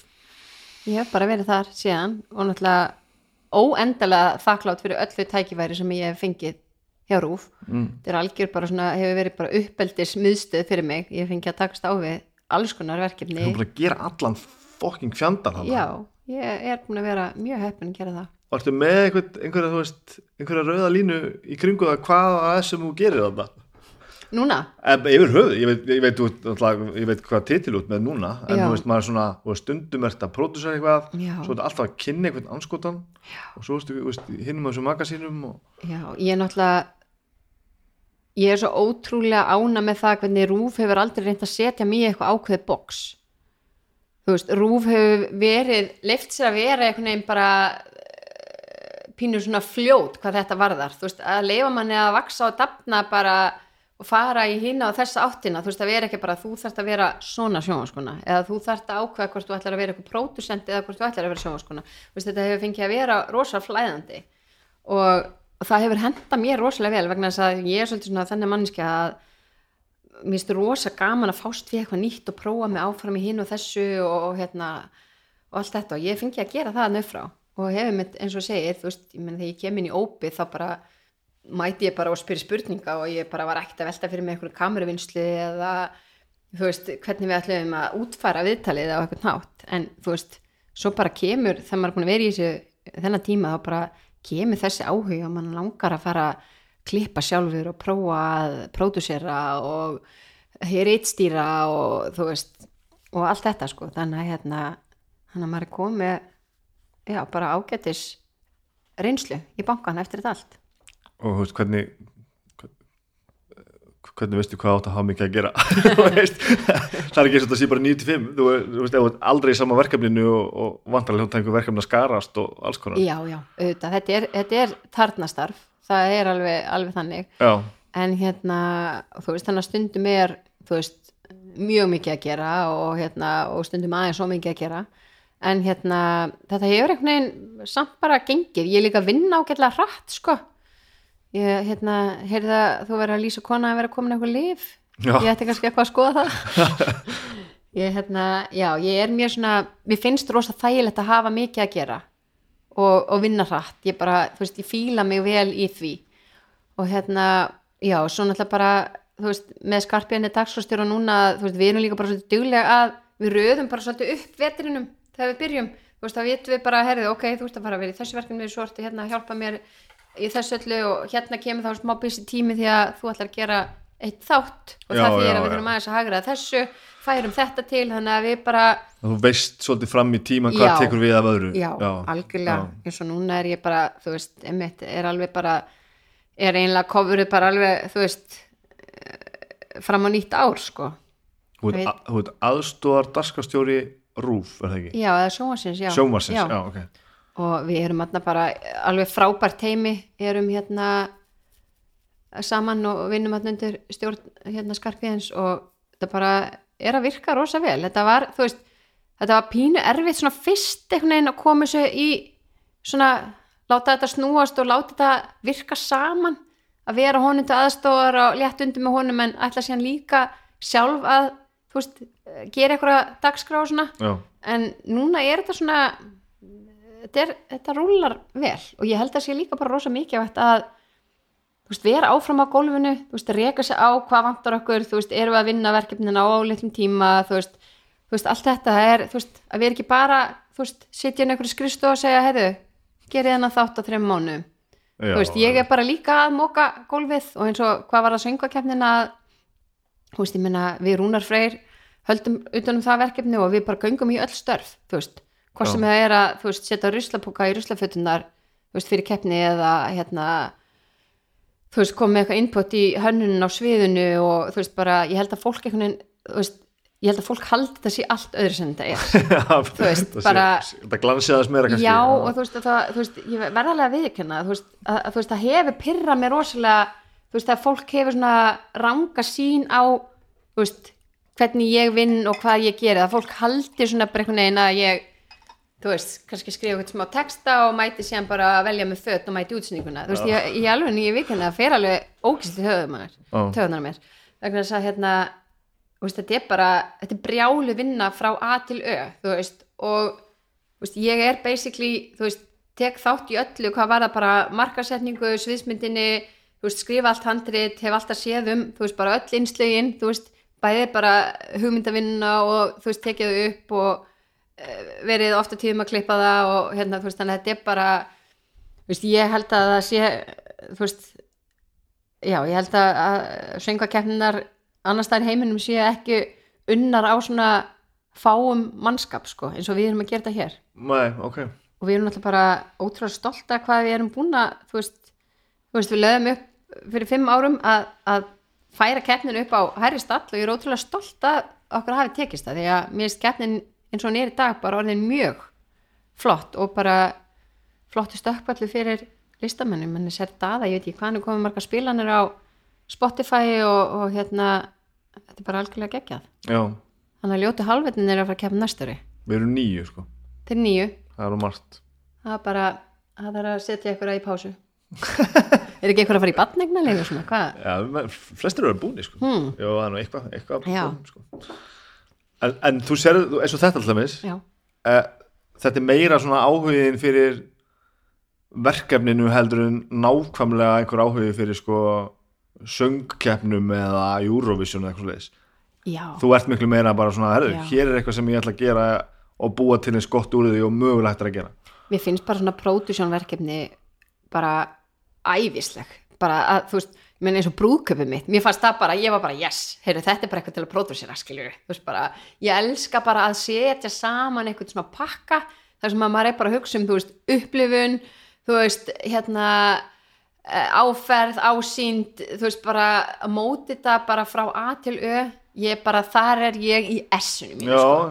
mér finnst það bara mér finnst það bara æðislegt. Og samt alveg svona líka til í að vera bara ekki bara á baku tjöldin, þú ert alveg til að vera einmitt, að, kynna bara og allt svo Já, og eiginlega hefur mér fundist best að, þú veist, þegar maður er þú veist, veginn, þegar ég er á móti þetta og maður sér einhvern veginn fyrir sér nákvæmlega flæðið í þessu og hvernig hvert segment á að fara yfir í næsta og eitthvað það finnst mér oft bara betra að kynna það sjálf já, já. Já, þá er ég bara svona, maður er alveg inn í öllu og bara, það er svona já, það er bara hérna hefur allan að reynst mér vel en auðvitað er þetta bara svo misjant hvað, þú veist hvað virka fyrir hvern og einn. Já, já. þannig að hérna en allan að þetta, þú veist virka fyrir mig, sko. Eins og þessum þess að þáttara eru svo hérna í stjóðin og það allt saman. Er Mhm. það eitthvað sem að e- einhverjar hugmyndir sem þú bara færð og ákveður svo bara búa til? Já, það er ekki flóknar heldur en það? Nei. Ég held að ég hafi bara ekki gert neina þáttar sem að jú, ég gerði einn þátt, óskalega þjóðurinnar sem að sagafilm framleiti, það var ekki mín hugmynd það er þannig að ég man í fljótu bræðið sko, en og ge gengur öðruvísi svoleiðis verk eða gengur, gengur það betur að verða. Sko, ég held að ég hafa alltaf verið svona frekar uh, svona, jú, og reynda dans, dans, dans það er náttúrulega ekki já, svona magasín þáttur. Jú, þannig að það er alveg eitthvað verkefni líka svona sem þetta inn, en hérna sko, ég held að ég hef alltaf verið frekar bara hreinskil með það ef ég kem inn í verkefni þá kem ég full force Já. og þú veist, ég meina uh, fólk upp í rú veit það alveg. Þú veist, ég meina ég veit alveg, þú veist, að Skarpjön hann hefur alveg sagt við mig bara, heyrðu, hérna þú veist, ég ætla ekki að setja því í þetta verkefni vegna þess að ég veit að það er að fara að breyta svona mikið ef þú ferðin í þetta, þú veist, út af því ég kem bara og veist, ég vil ráða hinn og þessu og ég vil gera þetta svona og ekki svona og, og þannig að, en þannig er ég bara, þú veist. Já. stundum er það kostur og stundum er það galli. En hérna og ég man til dæmis þegar ég var að hérna, kynna dans, dans, dans að úst, þá fór allt í háa loft vegna þess að, að ég mæti þarna fyrir fyrsta þátt og hérna, þá búið að skrifa handið fyrir mig bara orð fyrir orð, bara blaðið Já, já, já. já. og ég sagði bara nei, ekki séns ég bara, ég verð að fá að þú veist, þetta verð að fá að vera einhvern veginn mín orð ég get ekki lesa upp eitthvað handrit sko.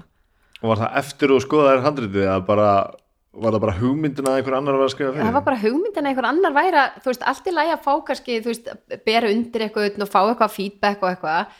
En fyrir mig einhvern veginn bara ef að, þú veist, einhver annar er búin að skrifa texta minn, þá líður mér bara eins og fréttalesara.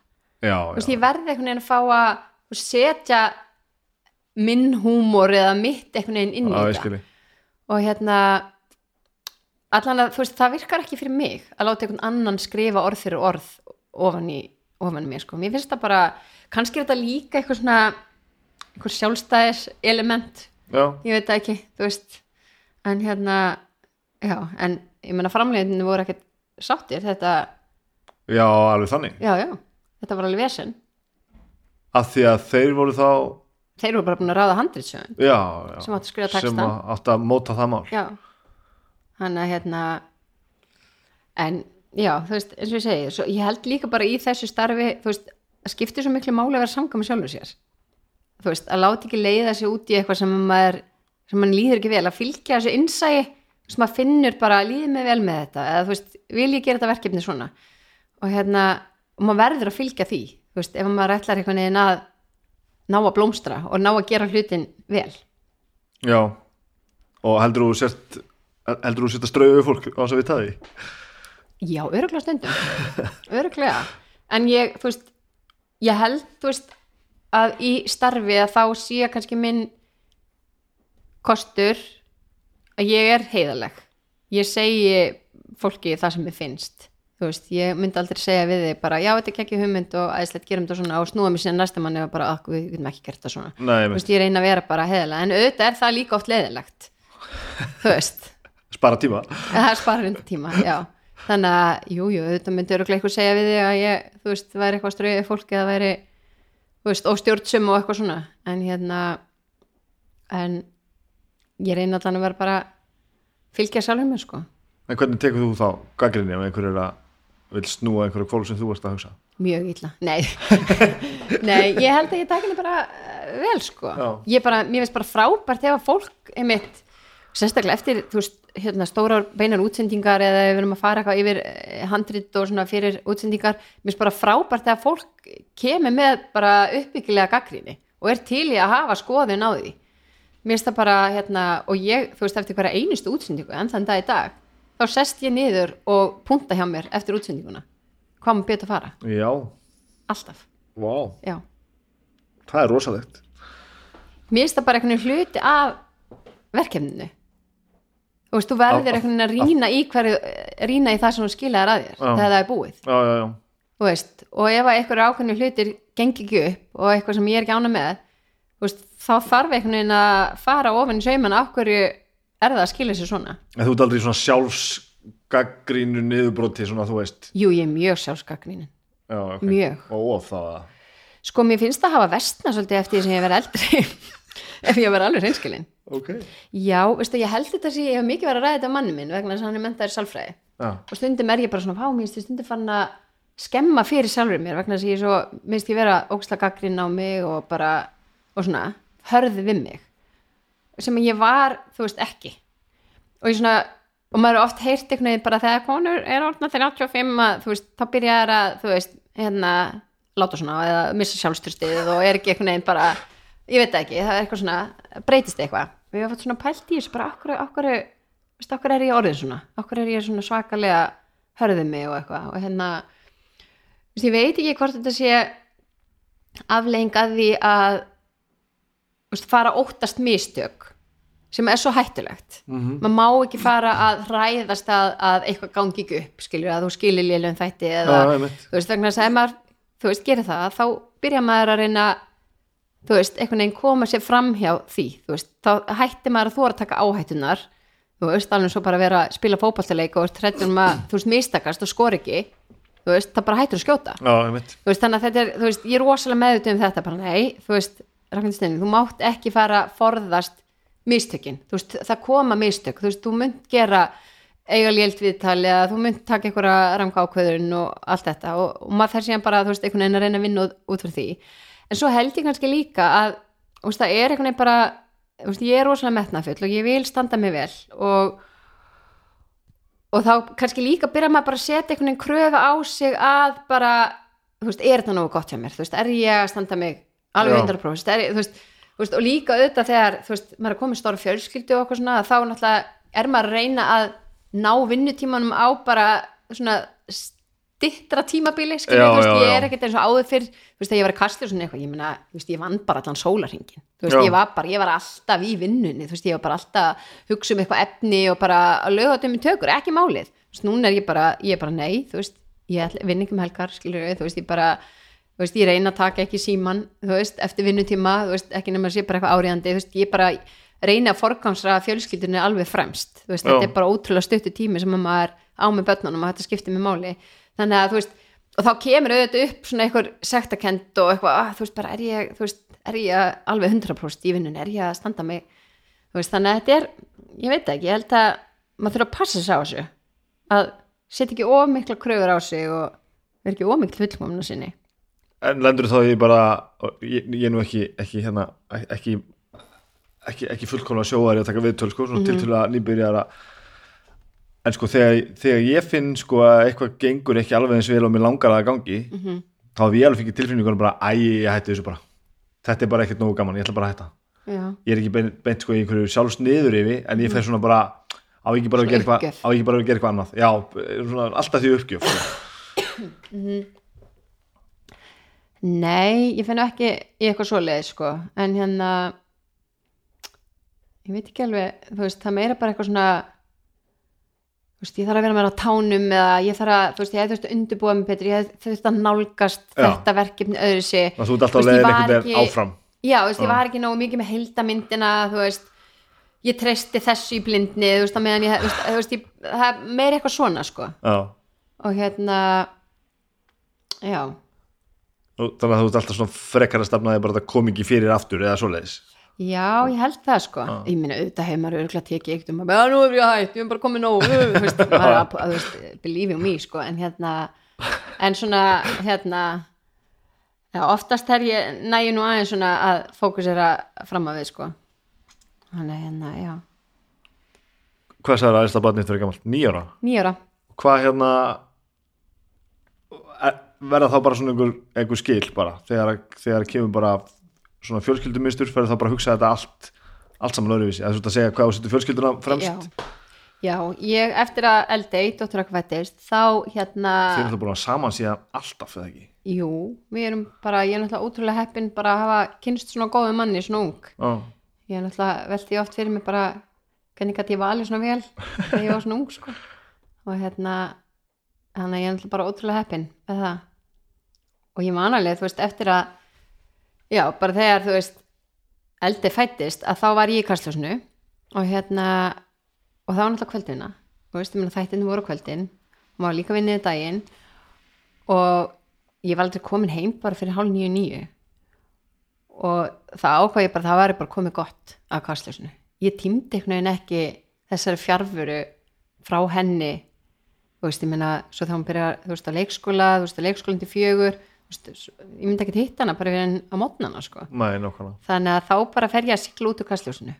Já. sem var líka bara komið gott. Ég var búin að vera í þessu mörg ár og fá bara, þú veist, ég minna ég kem inn í kastljósi, jésús, ég var þú veist, ég vissi ekkert hvað ég var að gera. Ég er ekki að djóka, sko, ég hugsa oft bara þú veist, manni Helgi Seljan og Simmi og eitthvað, ég bara, þú veist, að þeir hafi umborið mig, sko, ég hafði náttúrulega bara ynga fjölmjölarisli Nei, ég var bara ég var bara út á túnni. Þannig að hérna hvernig þá byrja hvað, veist? Nei, ég minna, þú veist, ég bara eh, þú veist, ég minna þeir náttúrulega bara búin að, eh, þú veist, vera að skrifa á hinum þessum blöðum og vera að taka viðtölu mörg mörg ár og, þú veist, mæti ég hérna inn og bara, þú veist þú veist, kunni ekki neitt, en ég minna þá náttúrulega líka bara frábært fyrir mig að koma inn í svona hóp sem að var bara þau reyndur, þú veist, þetta er bara allt fólk sem gætt kent mann eitthvað. Og ég hef verið alltaf frekar góð, svona, góður svona observer, skilur þú veist það svona einhvern veginn fylgjast með, með og reyna að tilenga mér þú veist, eitthvað gott hjá öðrum sem ég bara náttúrulega, þú veist hygglust gerði þarna og, og læra þeim. Þannig að já, ég, eins og segi, ég hef búin að fá náttúrulega bara rosalega dýrmata reynslu í kastljósinu bara alls konar viðtöl, ótrúlega fjölbreytt þú veist, alls konar verkefni og var bara svo heppin að fá að fara það bara út í bara annars konar dagsakar þar sem að ég væri ekki bundin þú veist, á kvöldin og gætt bara unnið á þú veist, í dagunni sko. Kallar það hefni, þú er svona heppin. Nei, ég reyndar, veistu það, ég reyndar að kalla ekki bara hefni, ég hérna, eins og segi mér finnst ég hafa unnið fyrir öllu sem að ég hef. Já, og það pyrra mig held ég líka oft þú veist, þegar fólk eitthvað svona heldur að maður hafi svona eitthvað fengið allt upp í hendurnar. Já, já. Þá verð ég svona alveg bara ah, þú veist, vegna sem ég finnst ég hafa þú veist einhvern veginn unnið að öllu sem mér hefur áskotnast sko. Já, þannig að hérna, en þú svona snýður þetta bara nýtt þegar að fara að koma börn og já, Og gengur er alveg að halda þessu svona í, í horfinu?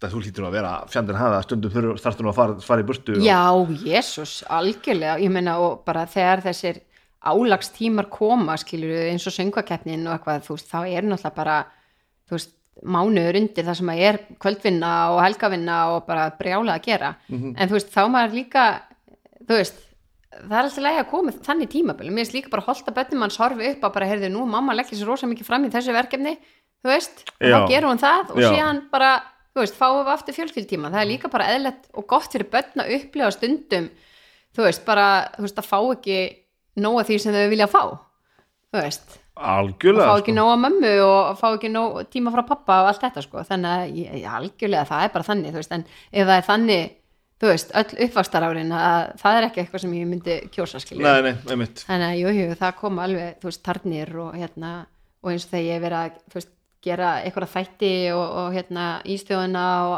og annað, þú veist, sítengt og eitthvað ég menna þá, þú veist, og því ég textaklippi þú veist, allt sjálf og, og raða öllu upp þú veist, það er bara eitthvað sem ég ger oft bara fram á nótt, sko.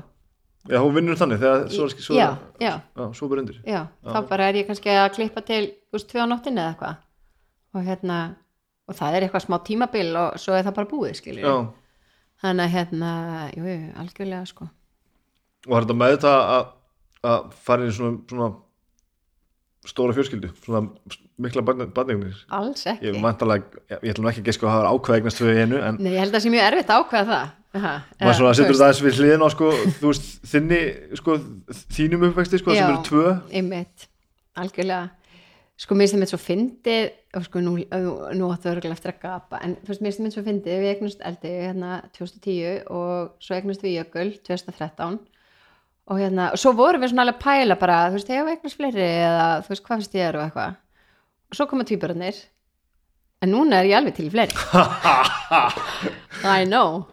Það, Það er nú bara einhverju hormónur að fokk í þér sko. það er Já, ekki kannski, kannski. Það er ekki álagsstöðin í heilanum á þessu sem að nei, nei, en þú veist, það er einhvern veginn ég veit það ekki, veist, þetta er þetta hljómar og svona klísukendu eitthvað, en bara, veist, þetta ríkidæmi og þetta er svo mikið jarðtenging, þessi börn þetta er svo mikið beturun já, í alvörinni, þú veist, Já. maður er einhvern veginn bara þú veist, maður vill vera besta útgáfan af sjálfum sér fyrir þau, já, veist, þetta er bara einhvern veginn mér finnst þetta bara eins og þetta var sannlega mesta klísju setning sem ég þá er þetta Ég svo, veit það. þetta er samt svo ótrúlega satt sko. Veistu það, guð, ég man svo einmitt sjálf þegar einmitt, út af vinkonum mínar eignuðist alla börn eiginlega undan ég, mér og einmitt þegar þær byrjuðu með eitthvað svona og ég var bara, oh my god, veist, svo er ég bara sjálf þarna en þetta er bara þetta, þú veist, já, ég veit það ekki fyrir mig er þetta bara, þetta er bara ótrúleg jarðtenging og mér finnst þetta bara mér finnst þetta bara æðislegu félagskapur og hérna já, mér finnst þetta bara ótrúlega skemmtilegt. En það hlýtur að vera sýtlót að gera þegar maður er mjög já, veist, það er brjálað að gera. Hvað eru týpurinnir hvað, þeir eru eins ás, fuck. Ekki komin með daggæslu. Já, við erum þar, já. púsl. já, gaman.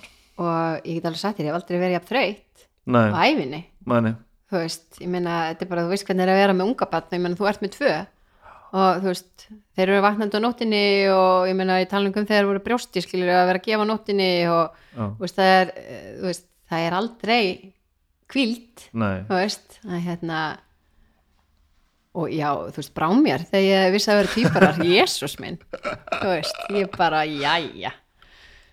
Ha. En fyrst Beyoncé gati þetta þá lítið já, þetta, það. er fullkomlega en hérna já þannig að en, þú veist eins og segi svo bara eins og, eins og maður veit þegar maður hefur eignarspall það eru tímabil, já, kemur tímabili sem hún séfur ekki neitt. Kemur tímabili sem hún getur ekki tala við neitt fólk í, í ammælisbóði skiluru eða matabóði þú veist það kemur tímabili sem gólfið er alltaf skítu tjáður þú veist. Og bara þú veist.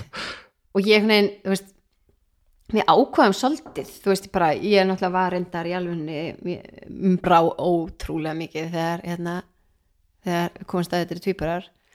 Svo þarf maður svolítið að taka ákvörðum bara, þú veist að einhvern veginn líta á alltaf góða við þetta. Sem maður getur verið bara, ó, við erum ekki að fara að sofa neitt ó, við erum að kaupa nýjan bílar óslega dýrt ó, þú veist, það var óslega vesen með daggæslinu þú veist, bara, að, þú veist, það er svo dýrt að fara til útland maður getur farið í, þú veist allan þennan pakka, en svo það maður bara einhvern veginn líta á, veist, allar björnum hliðarnar og alltaf geggja við að eiga veist, þetta er fylg forréttindi einekja tvíburar bara fylgjast með þeim þú veist, bara ég hann bara sína þér eina mynd, sko. Mhm. ja, ég var einmitt bara, þú veist, segja í gær þá var ég að gefa hann pela á hann fyrir að sofa. Þú veist, þá tegðu þeir sér svona í hvern annan og leiðast. Nei, þú veist, þetta er bara svona þetta er eitthvað svona augnablík sem maður er bara þú veist, magna að fá að upplifa. Eitthvað svona tengingu eitthvað, þú veist, tvekja einstaklingar sem eru eiginlega alveg eins. Já, þannig að hérna þannig að mér finnst þetta, veist, ég er ekki að djóka ég væri til í að eignast aðra tvíbura sko. vá. Veist, ég veit að ég er eins og ég sé geðveik. en þú veist, þetta er þetta er rosalega erfitt já, en þetta er, þetta er magnað. Og fæða tvíbura þetta grínast, já, það er geggjað. Já. Bara vinkonum minna náttúrulega bara fussa þegar ég segi þetta en bara, mér finnst þetta bara Er það ekki bara eitthvað allt annað heldur en Já. að eignast- eignast eitt? Já. við erum einhvern veginn búin að fæða eitt barn og að vera að reyna að halda öðru barni inn í þér svo það snúist ekki og festi sig einhvern veginn og bara já, er það átt eftir að fæða annað og bara, þú veist, ég var bara eitthvað mér finnst þetta bara, mér finnst þetta geggja þú veist, veist, það er alltaf vond að fæða börn og það, en þú veist, þetta er, þetta er samt eitthvað bara svo veist, bara að líka menn geti þetta Já. þú veist, og ég, hún er þessi netta kona ég hugsaði bara, jésus, hvernig á ég að koma tveimur börnum fyrir inn í mér þú veist, þetta er bara svo magna hvernig þetta virkar allt þannig að hérna, já veist, eins og maður er þreytur og þetta er erfitt og allt það þá er þetta samt ótrúlega skemmtilegt. Að þú ákveður svolítið að hlutinni séu skemmt eða veist, ég er ekki að segja að þú ákveður en, en að þú veist talað um Já. þú tókst svona aðast í ákveðunum um það bara passaði að horfa á, á björstuliðarnar þetta er bara hugafar gerir þetta með, með flest bara? Ég er eiginlega bara svolítið alin upp við þetta að pappa þú veist, maður þarf bara pínu að þú, ræður hvernig þitt líf verður. Það er engin annar að fara að ráða því sko. Og ætla bara að býða eftir að koma eitthvað skemmtanastjóri inn í þitt líf og sjá til þess að verða geggjað. Það er mjög litla líkur á því. Veist, þannig að ég hugsa bara einhvern veginn veist, þetta er þetta ferðalag sem ég fæ. Veist, ég ætla bara að hafa það skemmtilegt. Það er bara þannig. Erfitt getur líka verið skemmtilegt. Erfitt er ekkert alltaf leiðilegt. Þannig að já, ég hugsa þetta svona. Er að gera eitthvað fleira heldur en að eiga risastóra fjölskyldu og, og vinna svona Þú veist, áttu, e, áttu áhugamál? Sko, auðvitað er það þannig þegar maður er með svona stóra fjölskyldu og í krefindi starfi að það kemst auðvitað fátt annað að. En þá náttúrulega bara verða áhugamálin bara einhvern veginn samofin þessu. Þú veist, ég er náttúrulega bara, þú veist, vinnan mín er áhugamáli mitt, mér finnst- alltaf gaman í vinnunum, mér finnst alltaf gaman það sem ég er að gera.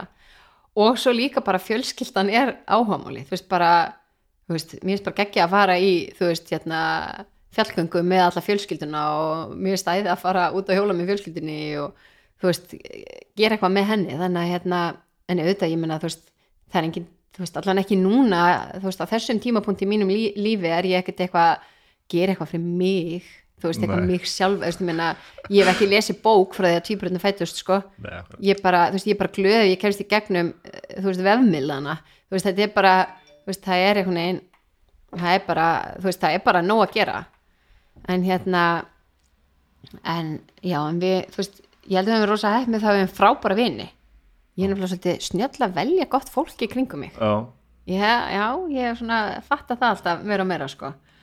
Og, og það er svo æðislegt hvernig vinir okkar hafa einhvern veginn bara svona þú veist, komið inn í þetta, þú veist bara þú veist eins og matabóð, það er bara, heyrðu það matabóð klukkan 5 þú veist, Já, bara já. því að fólk veit Já. bara, heyrðu það er bara vesen að vera klukkan, þú veist, 7 út af tvíburunum og bara höfum þetta klukkan 5 og þú veist, einhvern veginn bara svona allir að reyna að liðka fyrir öllum já, ummitt og bara, þú veist, hérna og bara, þú veist, eins og ég á eina frábæra vinkona, vinkona hann Ingi Björgu, þú veist, hún bara, heyrði við bara, þú veist, að alltaf vera að búa til eitthvað svona fjölskyldu skemmtanir, þú veist, bara þú veist, hittust í garðinu klukkan fjögur og það er bara, þú veist, kandiflós og hoppukastali skilju, og, þú veist, æfættur þannig að, þú veist, við erum bara þarna og þarna líður okkur vel, þú veist. Ég sé mig ekkert endilega eitthvað núna, þú veist fari ég eitthvað partí þú veist, til þrjú á nóttinni. Eða, þú veist, það bara, þú veist, bara passar ekkert inn í mitt líf. Nei, bara þreytt daginn eftir, þú veist hver á að passa, þú, þú veist, þetta bara þetta er bara vesen sko. Hva- hvað finnst þér eiginlega veist, erfitt, hvað, hvað vex er í augum?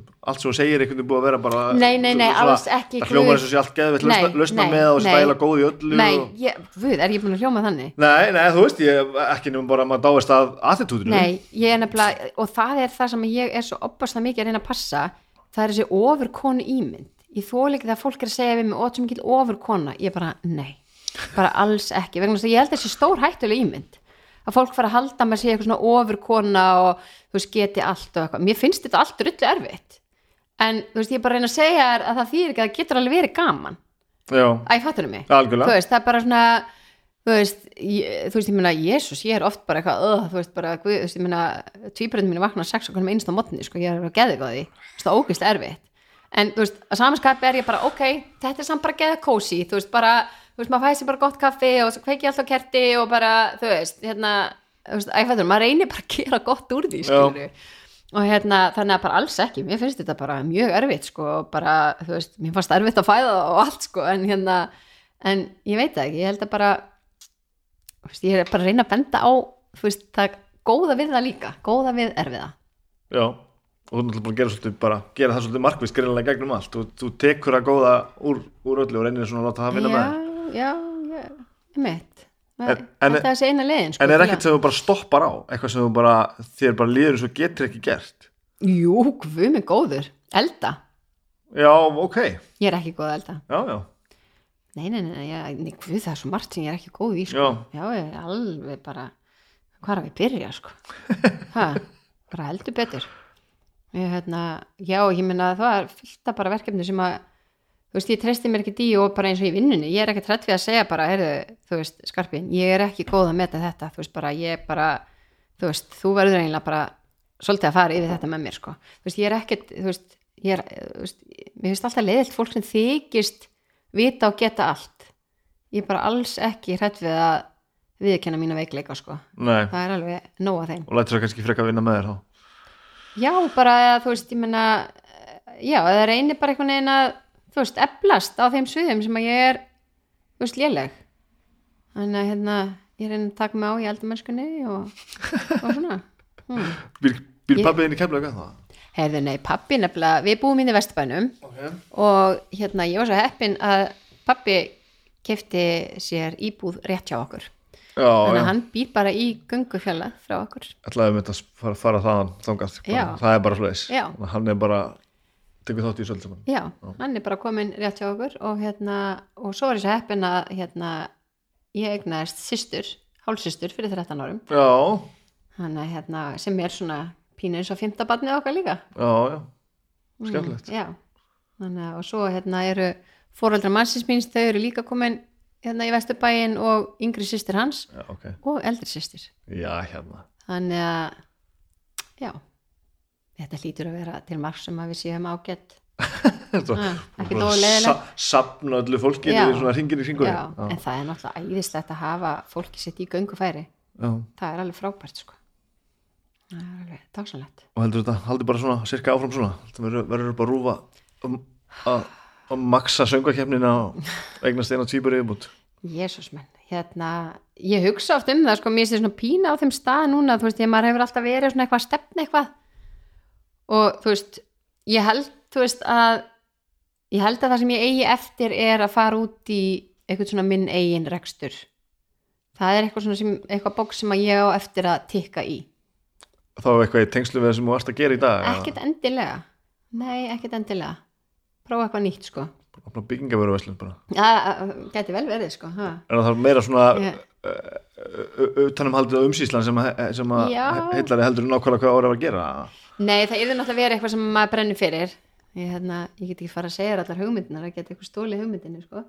en hérna en ég held svona að það sé svona eitthvað næsta sem að maður reynir að gera. En það þarf bara að vera á réttum tímapunkti. Núna er ég bara með lítil börn já, og þú veist, er ekki að fara að drekja mér í uppbyggingu á einhverju, þú veist, fyrirtæki eða eitthvað. Þannig að hérna það kemur bara eitthvað að setna en þú ert alltaf svona einhvern veginn að hugsa eitthvað áfram. Það er alltaf eitthvað.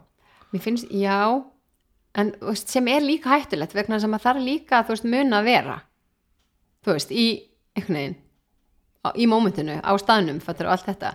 Sem maður má ekki alltaf vera að hugsa þegar ég, þegar ég þegar ég, þú veist, heldur vera líka bara núna. Þannig að hérna já, en verður mér að gera svona að láta sér dreyma? Og ég verð að gera það allavega. Eða það ekki, hvað ætlar þú að gera næst ég veit ekki, ég fæ svo margar hugmyndi ég ætla að byrja að vera með það sem er hlaðvarp núna. Já, frábært, þetta er svona, já. Ég meina að sitja hér með þetta útsýni, drekka kaffi, þetta er náttúrulega bara þetta er stórkostlegt. Já, tveir ramarskítar hérna vegna er þetta bassi einn gítröð bossi. Þannig að ég, veginn bara ég er búin að læra að, að fá meira út úr litlu hugmyndunum. Já, þetta þurfi ekki alltaf að vera einhverjar, einhverjar brjálaðar flugvitarsýningar, þú getur fengið einhverja litla hugmynd sem, að, sem getur eitt eftir miklu tíma í og eða sett svona mikla ástriði og fengið mikið út úr. Svona meira það, einmitt. Svo er ég nú bara alveg að læra að vera ekki með marga bolta á lofti í einu einmitt. Og læra bara að stundum þarf maður að segja nei þó að sé erfitt sko. ég er mjög góður að segja nei. Já, það er aðalega að segja nei þegar að mér langar til þess að virkilega til þess að gera það sem að snýst um sko. Það er svo leiðilt að vera tættur í verkefninu. Að vera einhvern veginn í of mörgum verkefnum og ná ekki að Já. sinna einhvern veginn að alúð verkefninu sko. en að samanskapur ég er bara veist, ég vann ekki fasta vinnu í 100 ár sko, en ég er búin að vinna á sömu auðlýsingastofunni í að vera 8 ár. Já, og ég held að þurfti hans sem ekki að breytast til, til þess að ég færi það mm -hmm. það líður mér ógeðslega vel og ég er ógeðslega góður í sem ég geri. Já, og það býr til eitthvað svona akkeri þannig að ég geti sko sullað í öllum hinnu já hugmyndunum það er náttúrulega æðislegt. Bjóð til einhvern fókus þar sko Já. sem munar útrúlega miklu. Einmitt. Maður er ekki til í að taka eins stórar áhættur þegar maður er komið fjölskyldu það er bara þannig. Nei og mér líka bara langar ekkert jafn mikið til að gera það sko. Nei. það er bara, já sem er kannski bara samhluturinn nákvæmlega. En einmitt, auðvitað vil maður bara setja fókusin einhvern annan stað. Já. það er bara þannig. Einmitt, og á að vera þannig held ég. já, algjörlega Takk fyrir að tala um mig. Heyrðu, takk fyrir að bjóða mér, takk fyrir kaffið.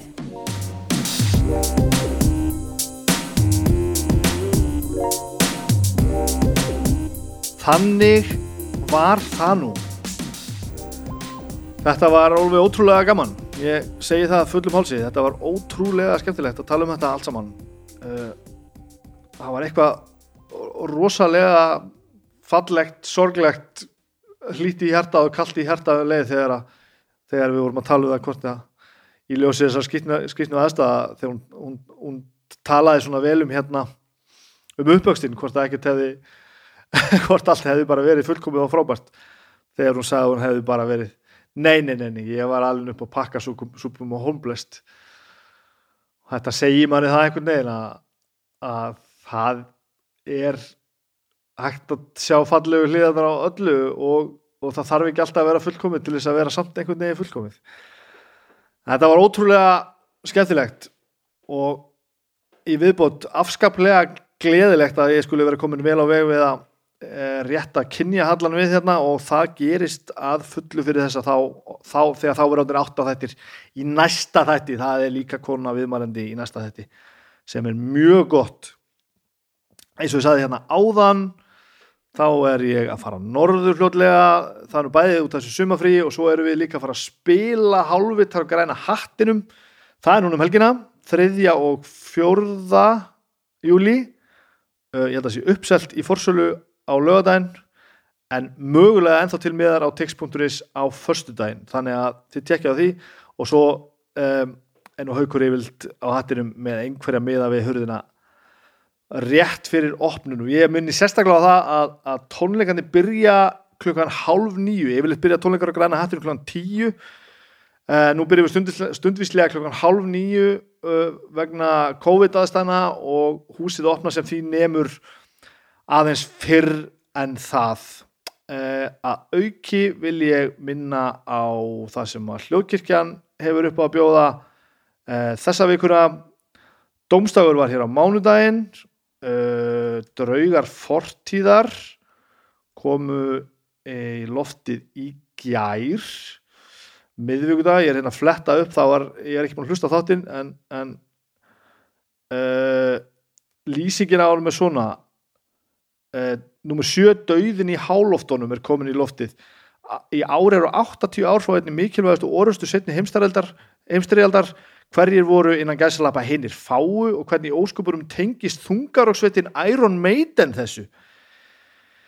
Jabus minn þetta er eitthvað sem að sem að ég hlýtt að þurfa að hlusta á enda eins og allt annað, ég hef búin að hlusta á þetta allt saman og ég beði ykkur vinsanlegast um að, um að hlusta á síðasta þátt drauga fortíðar um um, uh, hella prílið allt saman. Ef þið eruð með innlokkona kendi eða almennt dýla fyrir köllum en ég nú ekki mæla með því. En þetta sá þáttur er hann er óskaplegur, hann er óskaplegur. Og svo á morgun að sjálfsögðu eins og alltaf besta platan. Og uh, að þessu sinni er það besta platan með uh, At the Gates. Það er sænst sænskur öfgametall og þarna höfum við skoðanir, við skulum segja það. Þarna höfum við gríðarlega mikla skoðanir, ég og Arnar og Rindar Baldur líka, þannig að þetta er allt saman gott. Góð vika hljóðkirkjunni í þetta, þessa vikuna og takk fyrir að hlusta á alla þessa þætti. Þetta gengur óskaplega vel, við erum í ægilu stöði og, og, og áframskal haldið. Eh, ég segi gott í bili og eh, snæpur talaði fólk verður hérna aftur að vikuleðinni takk fyrir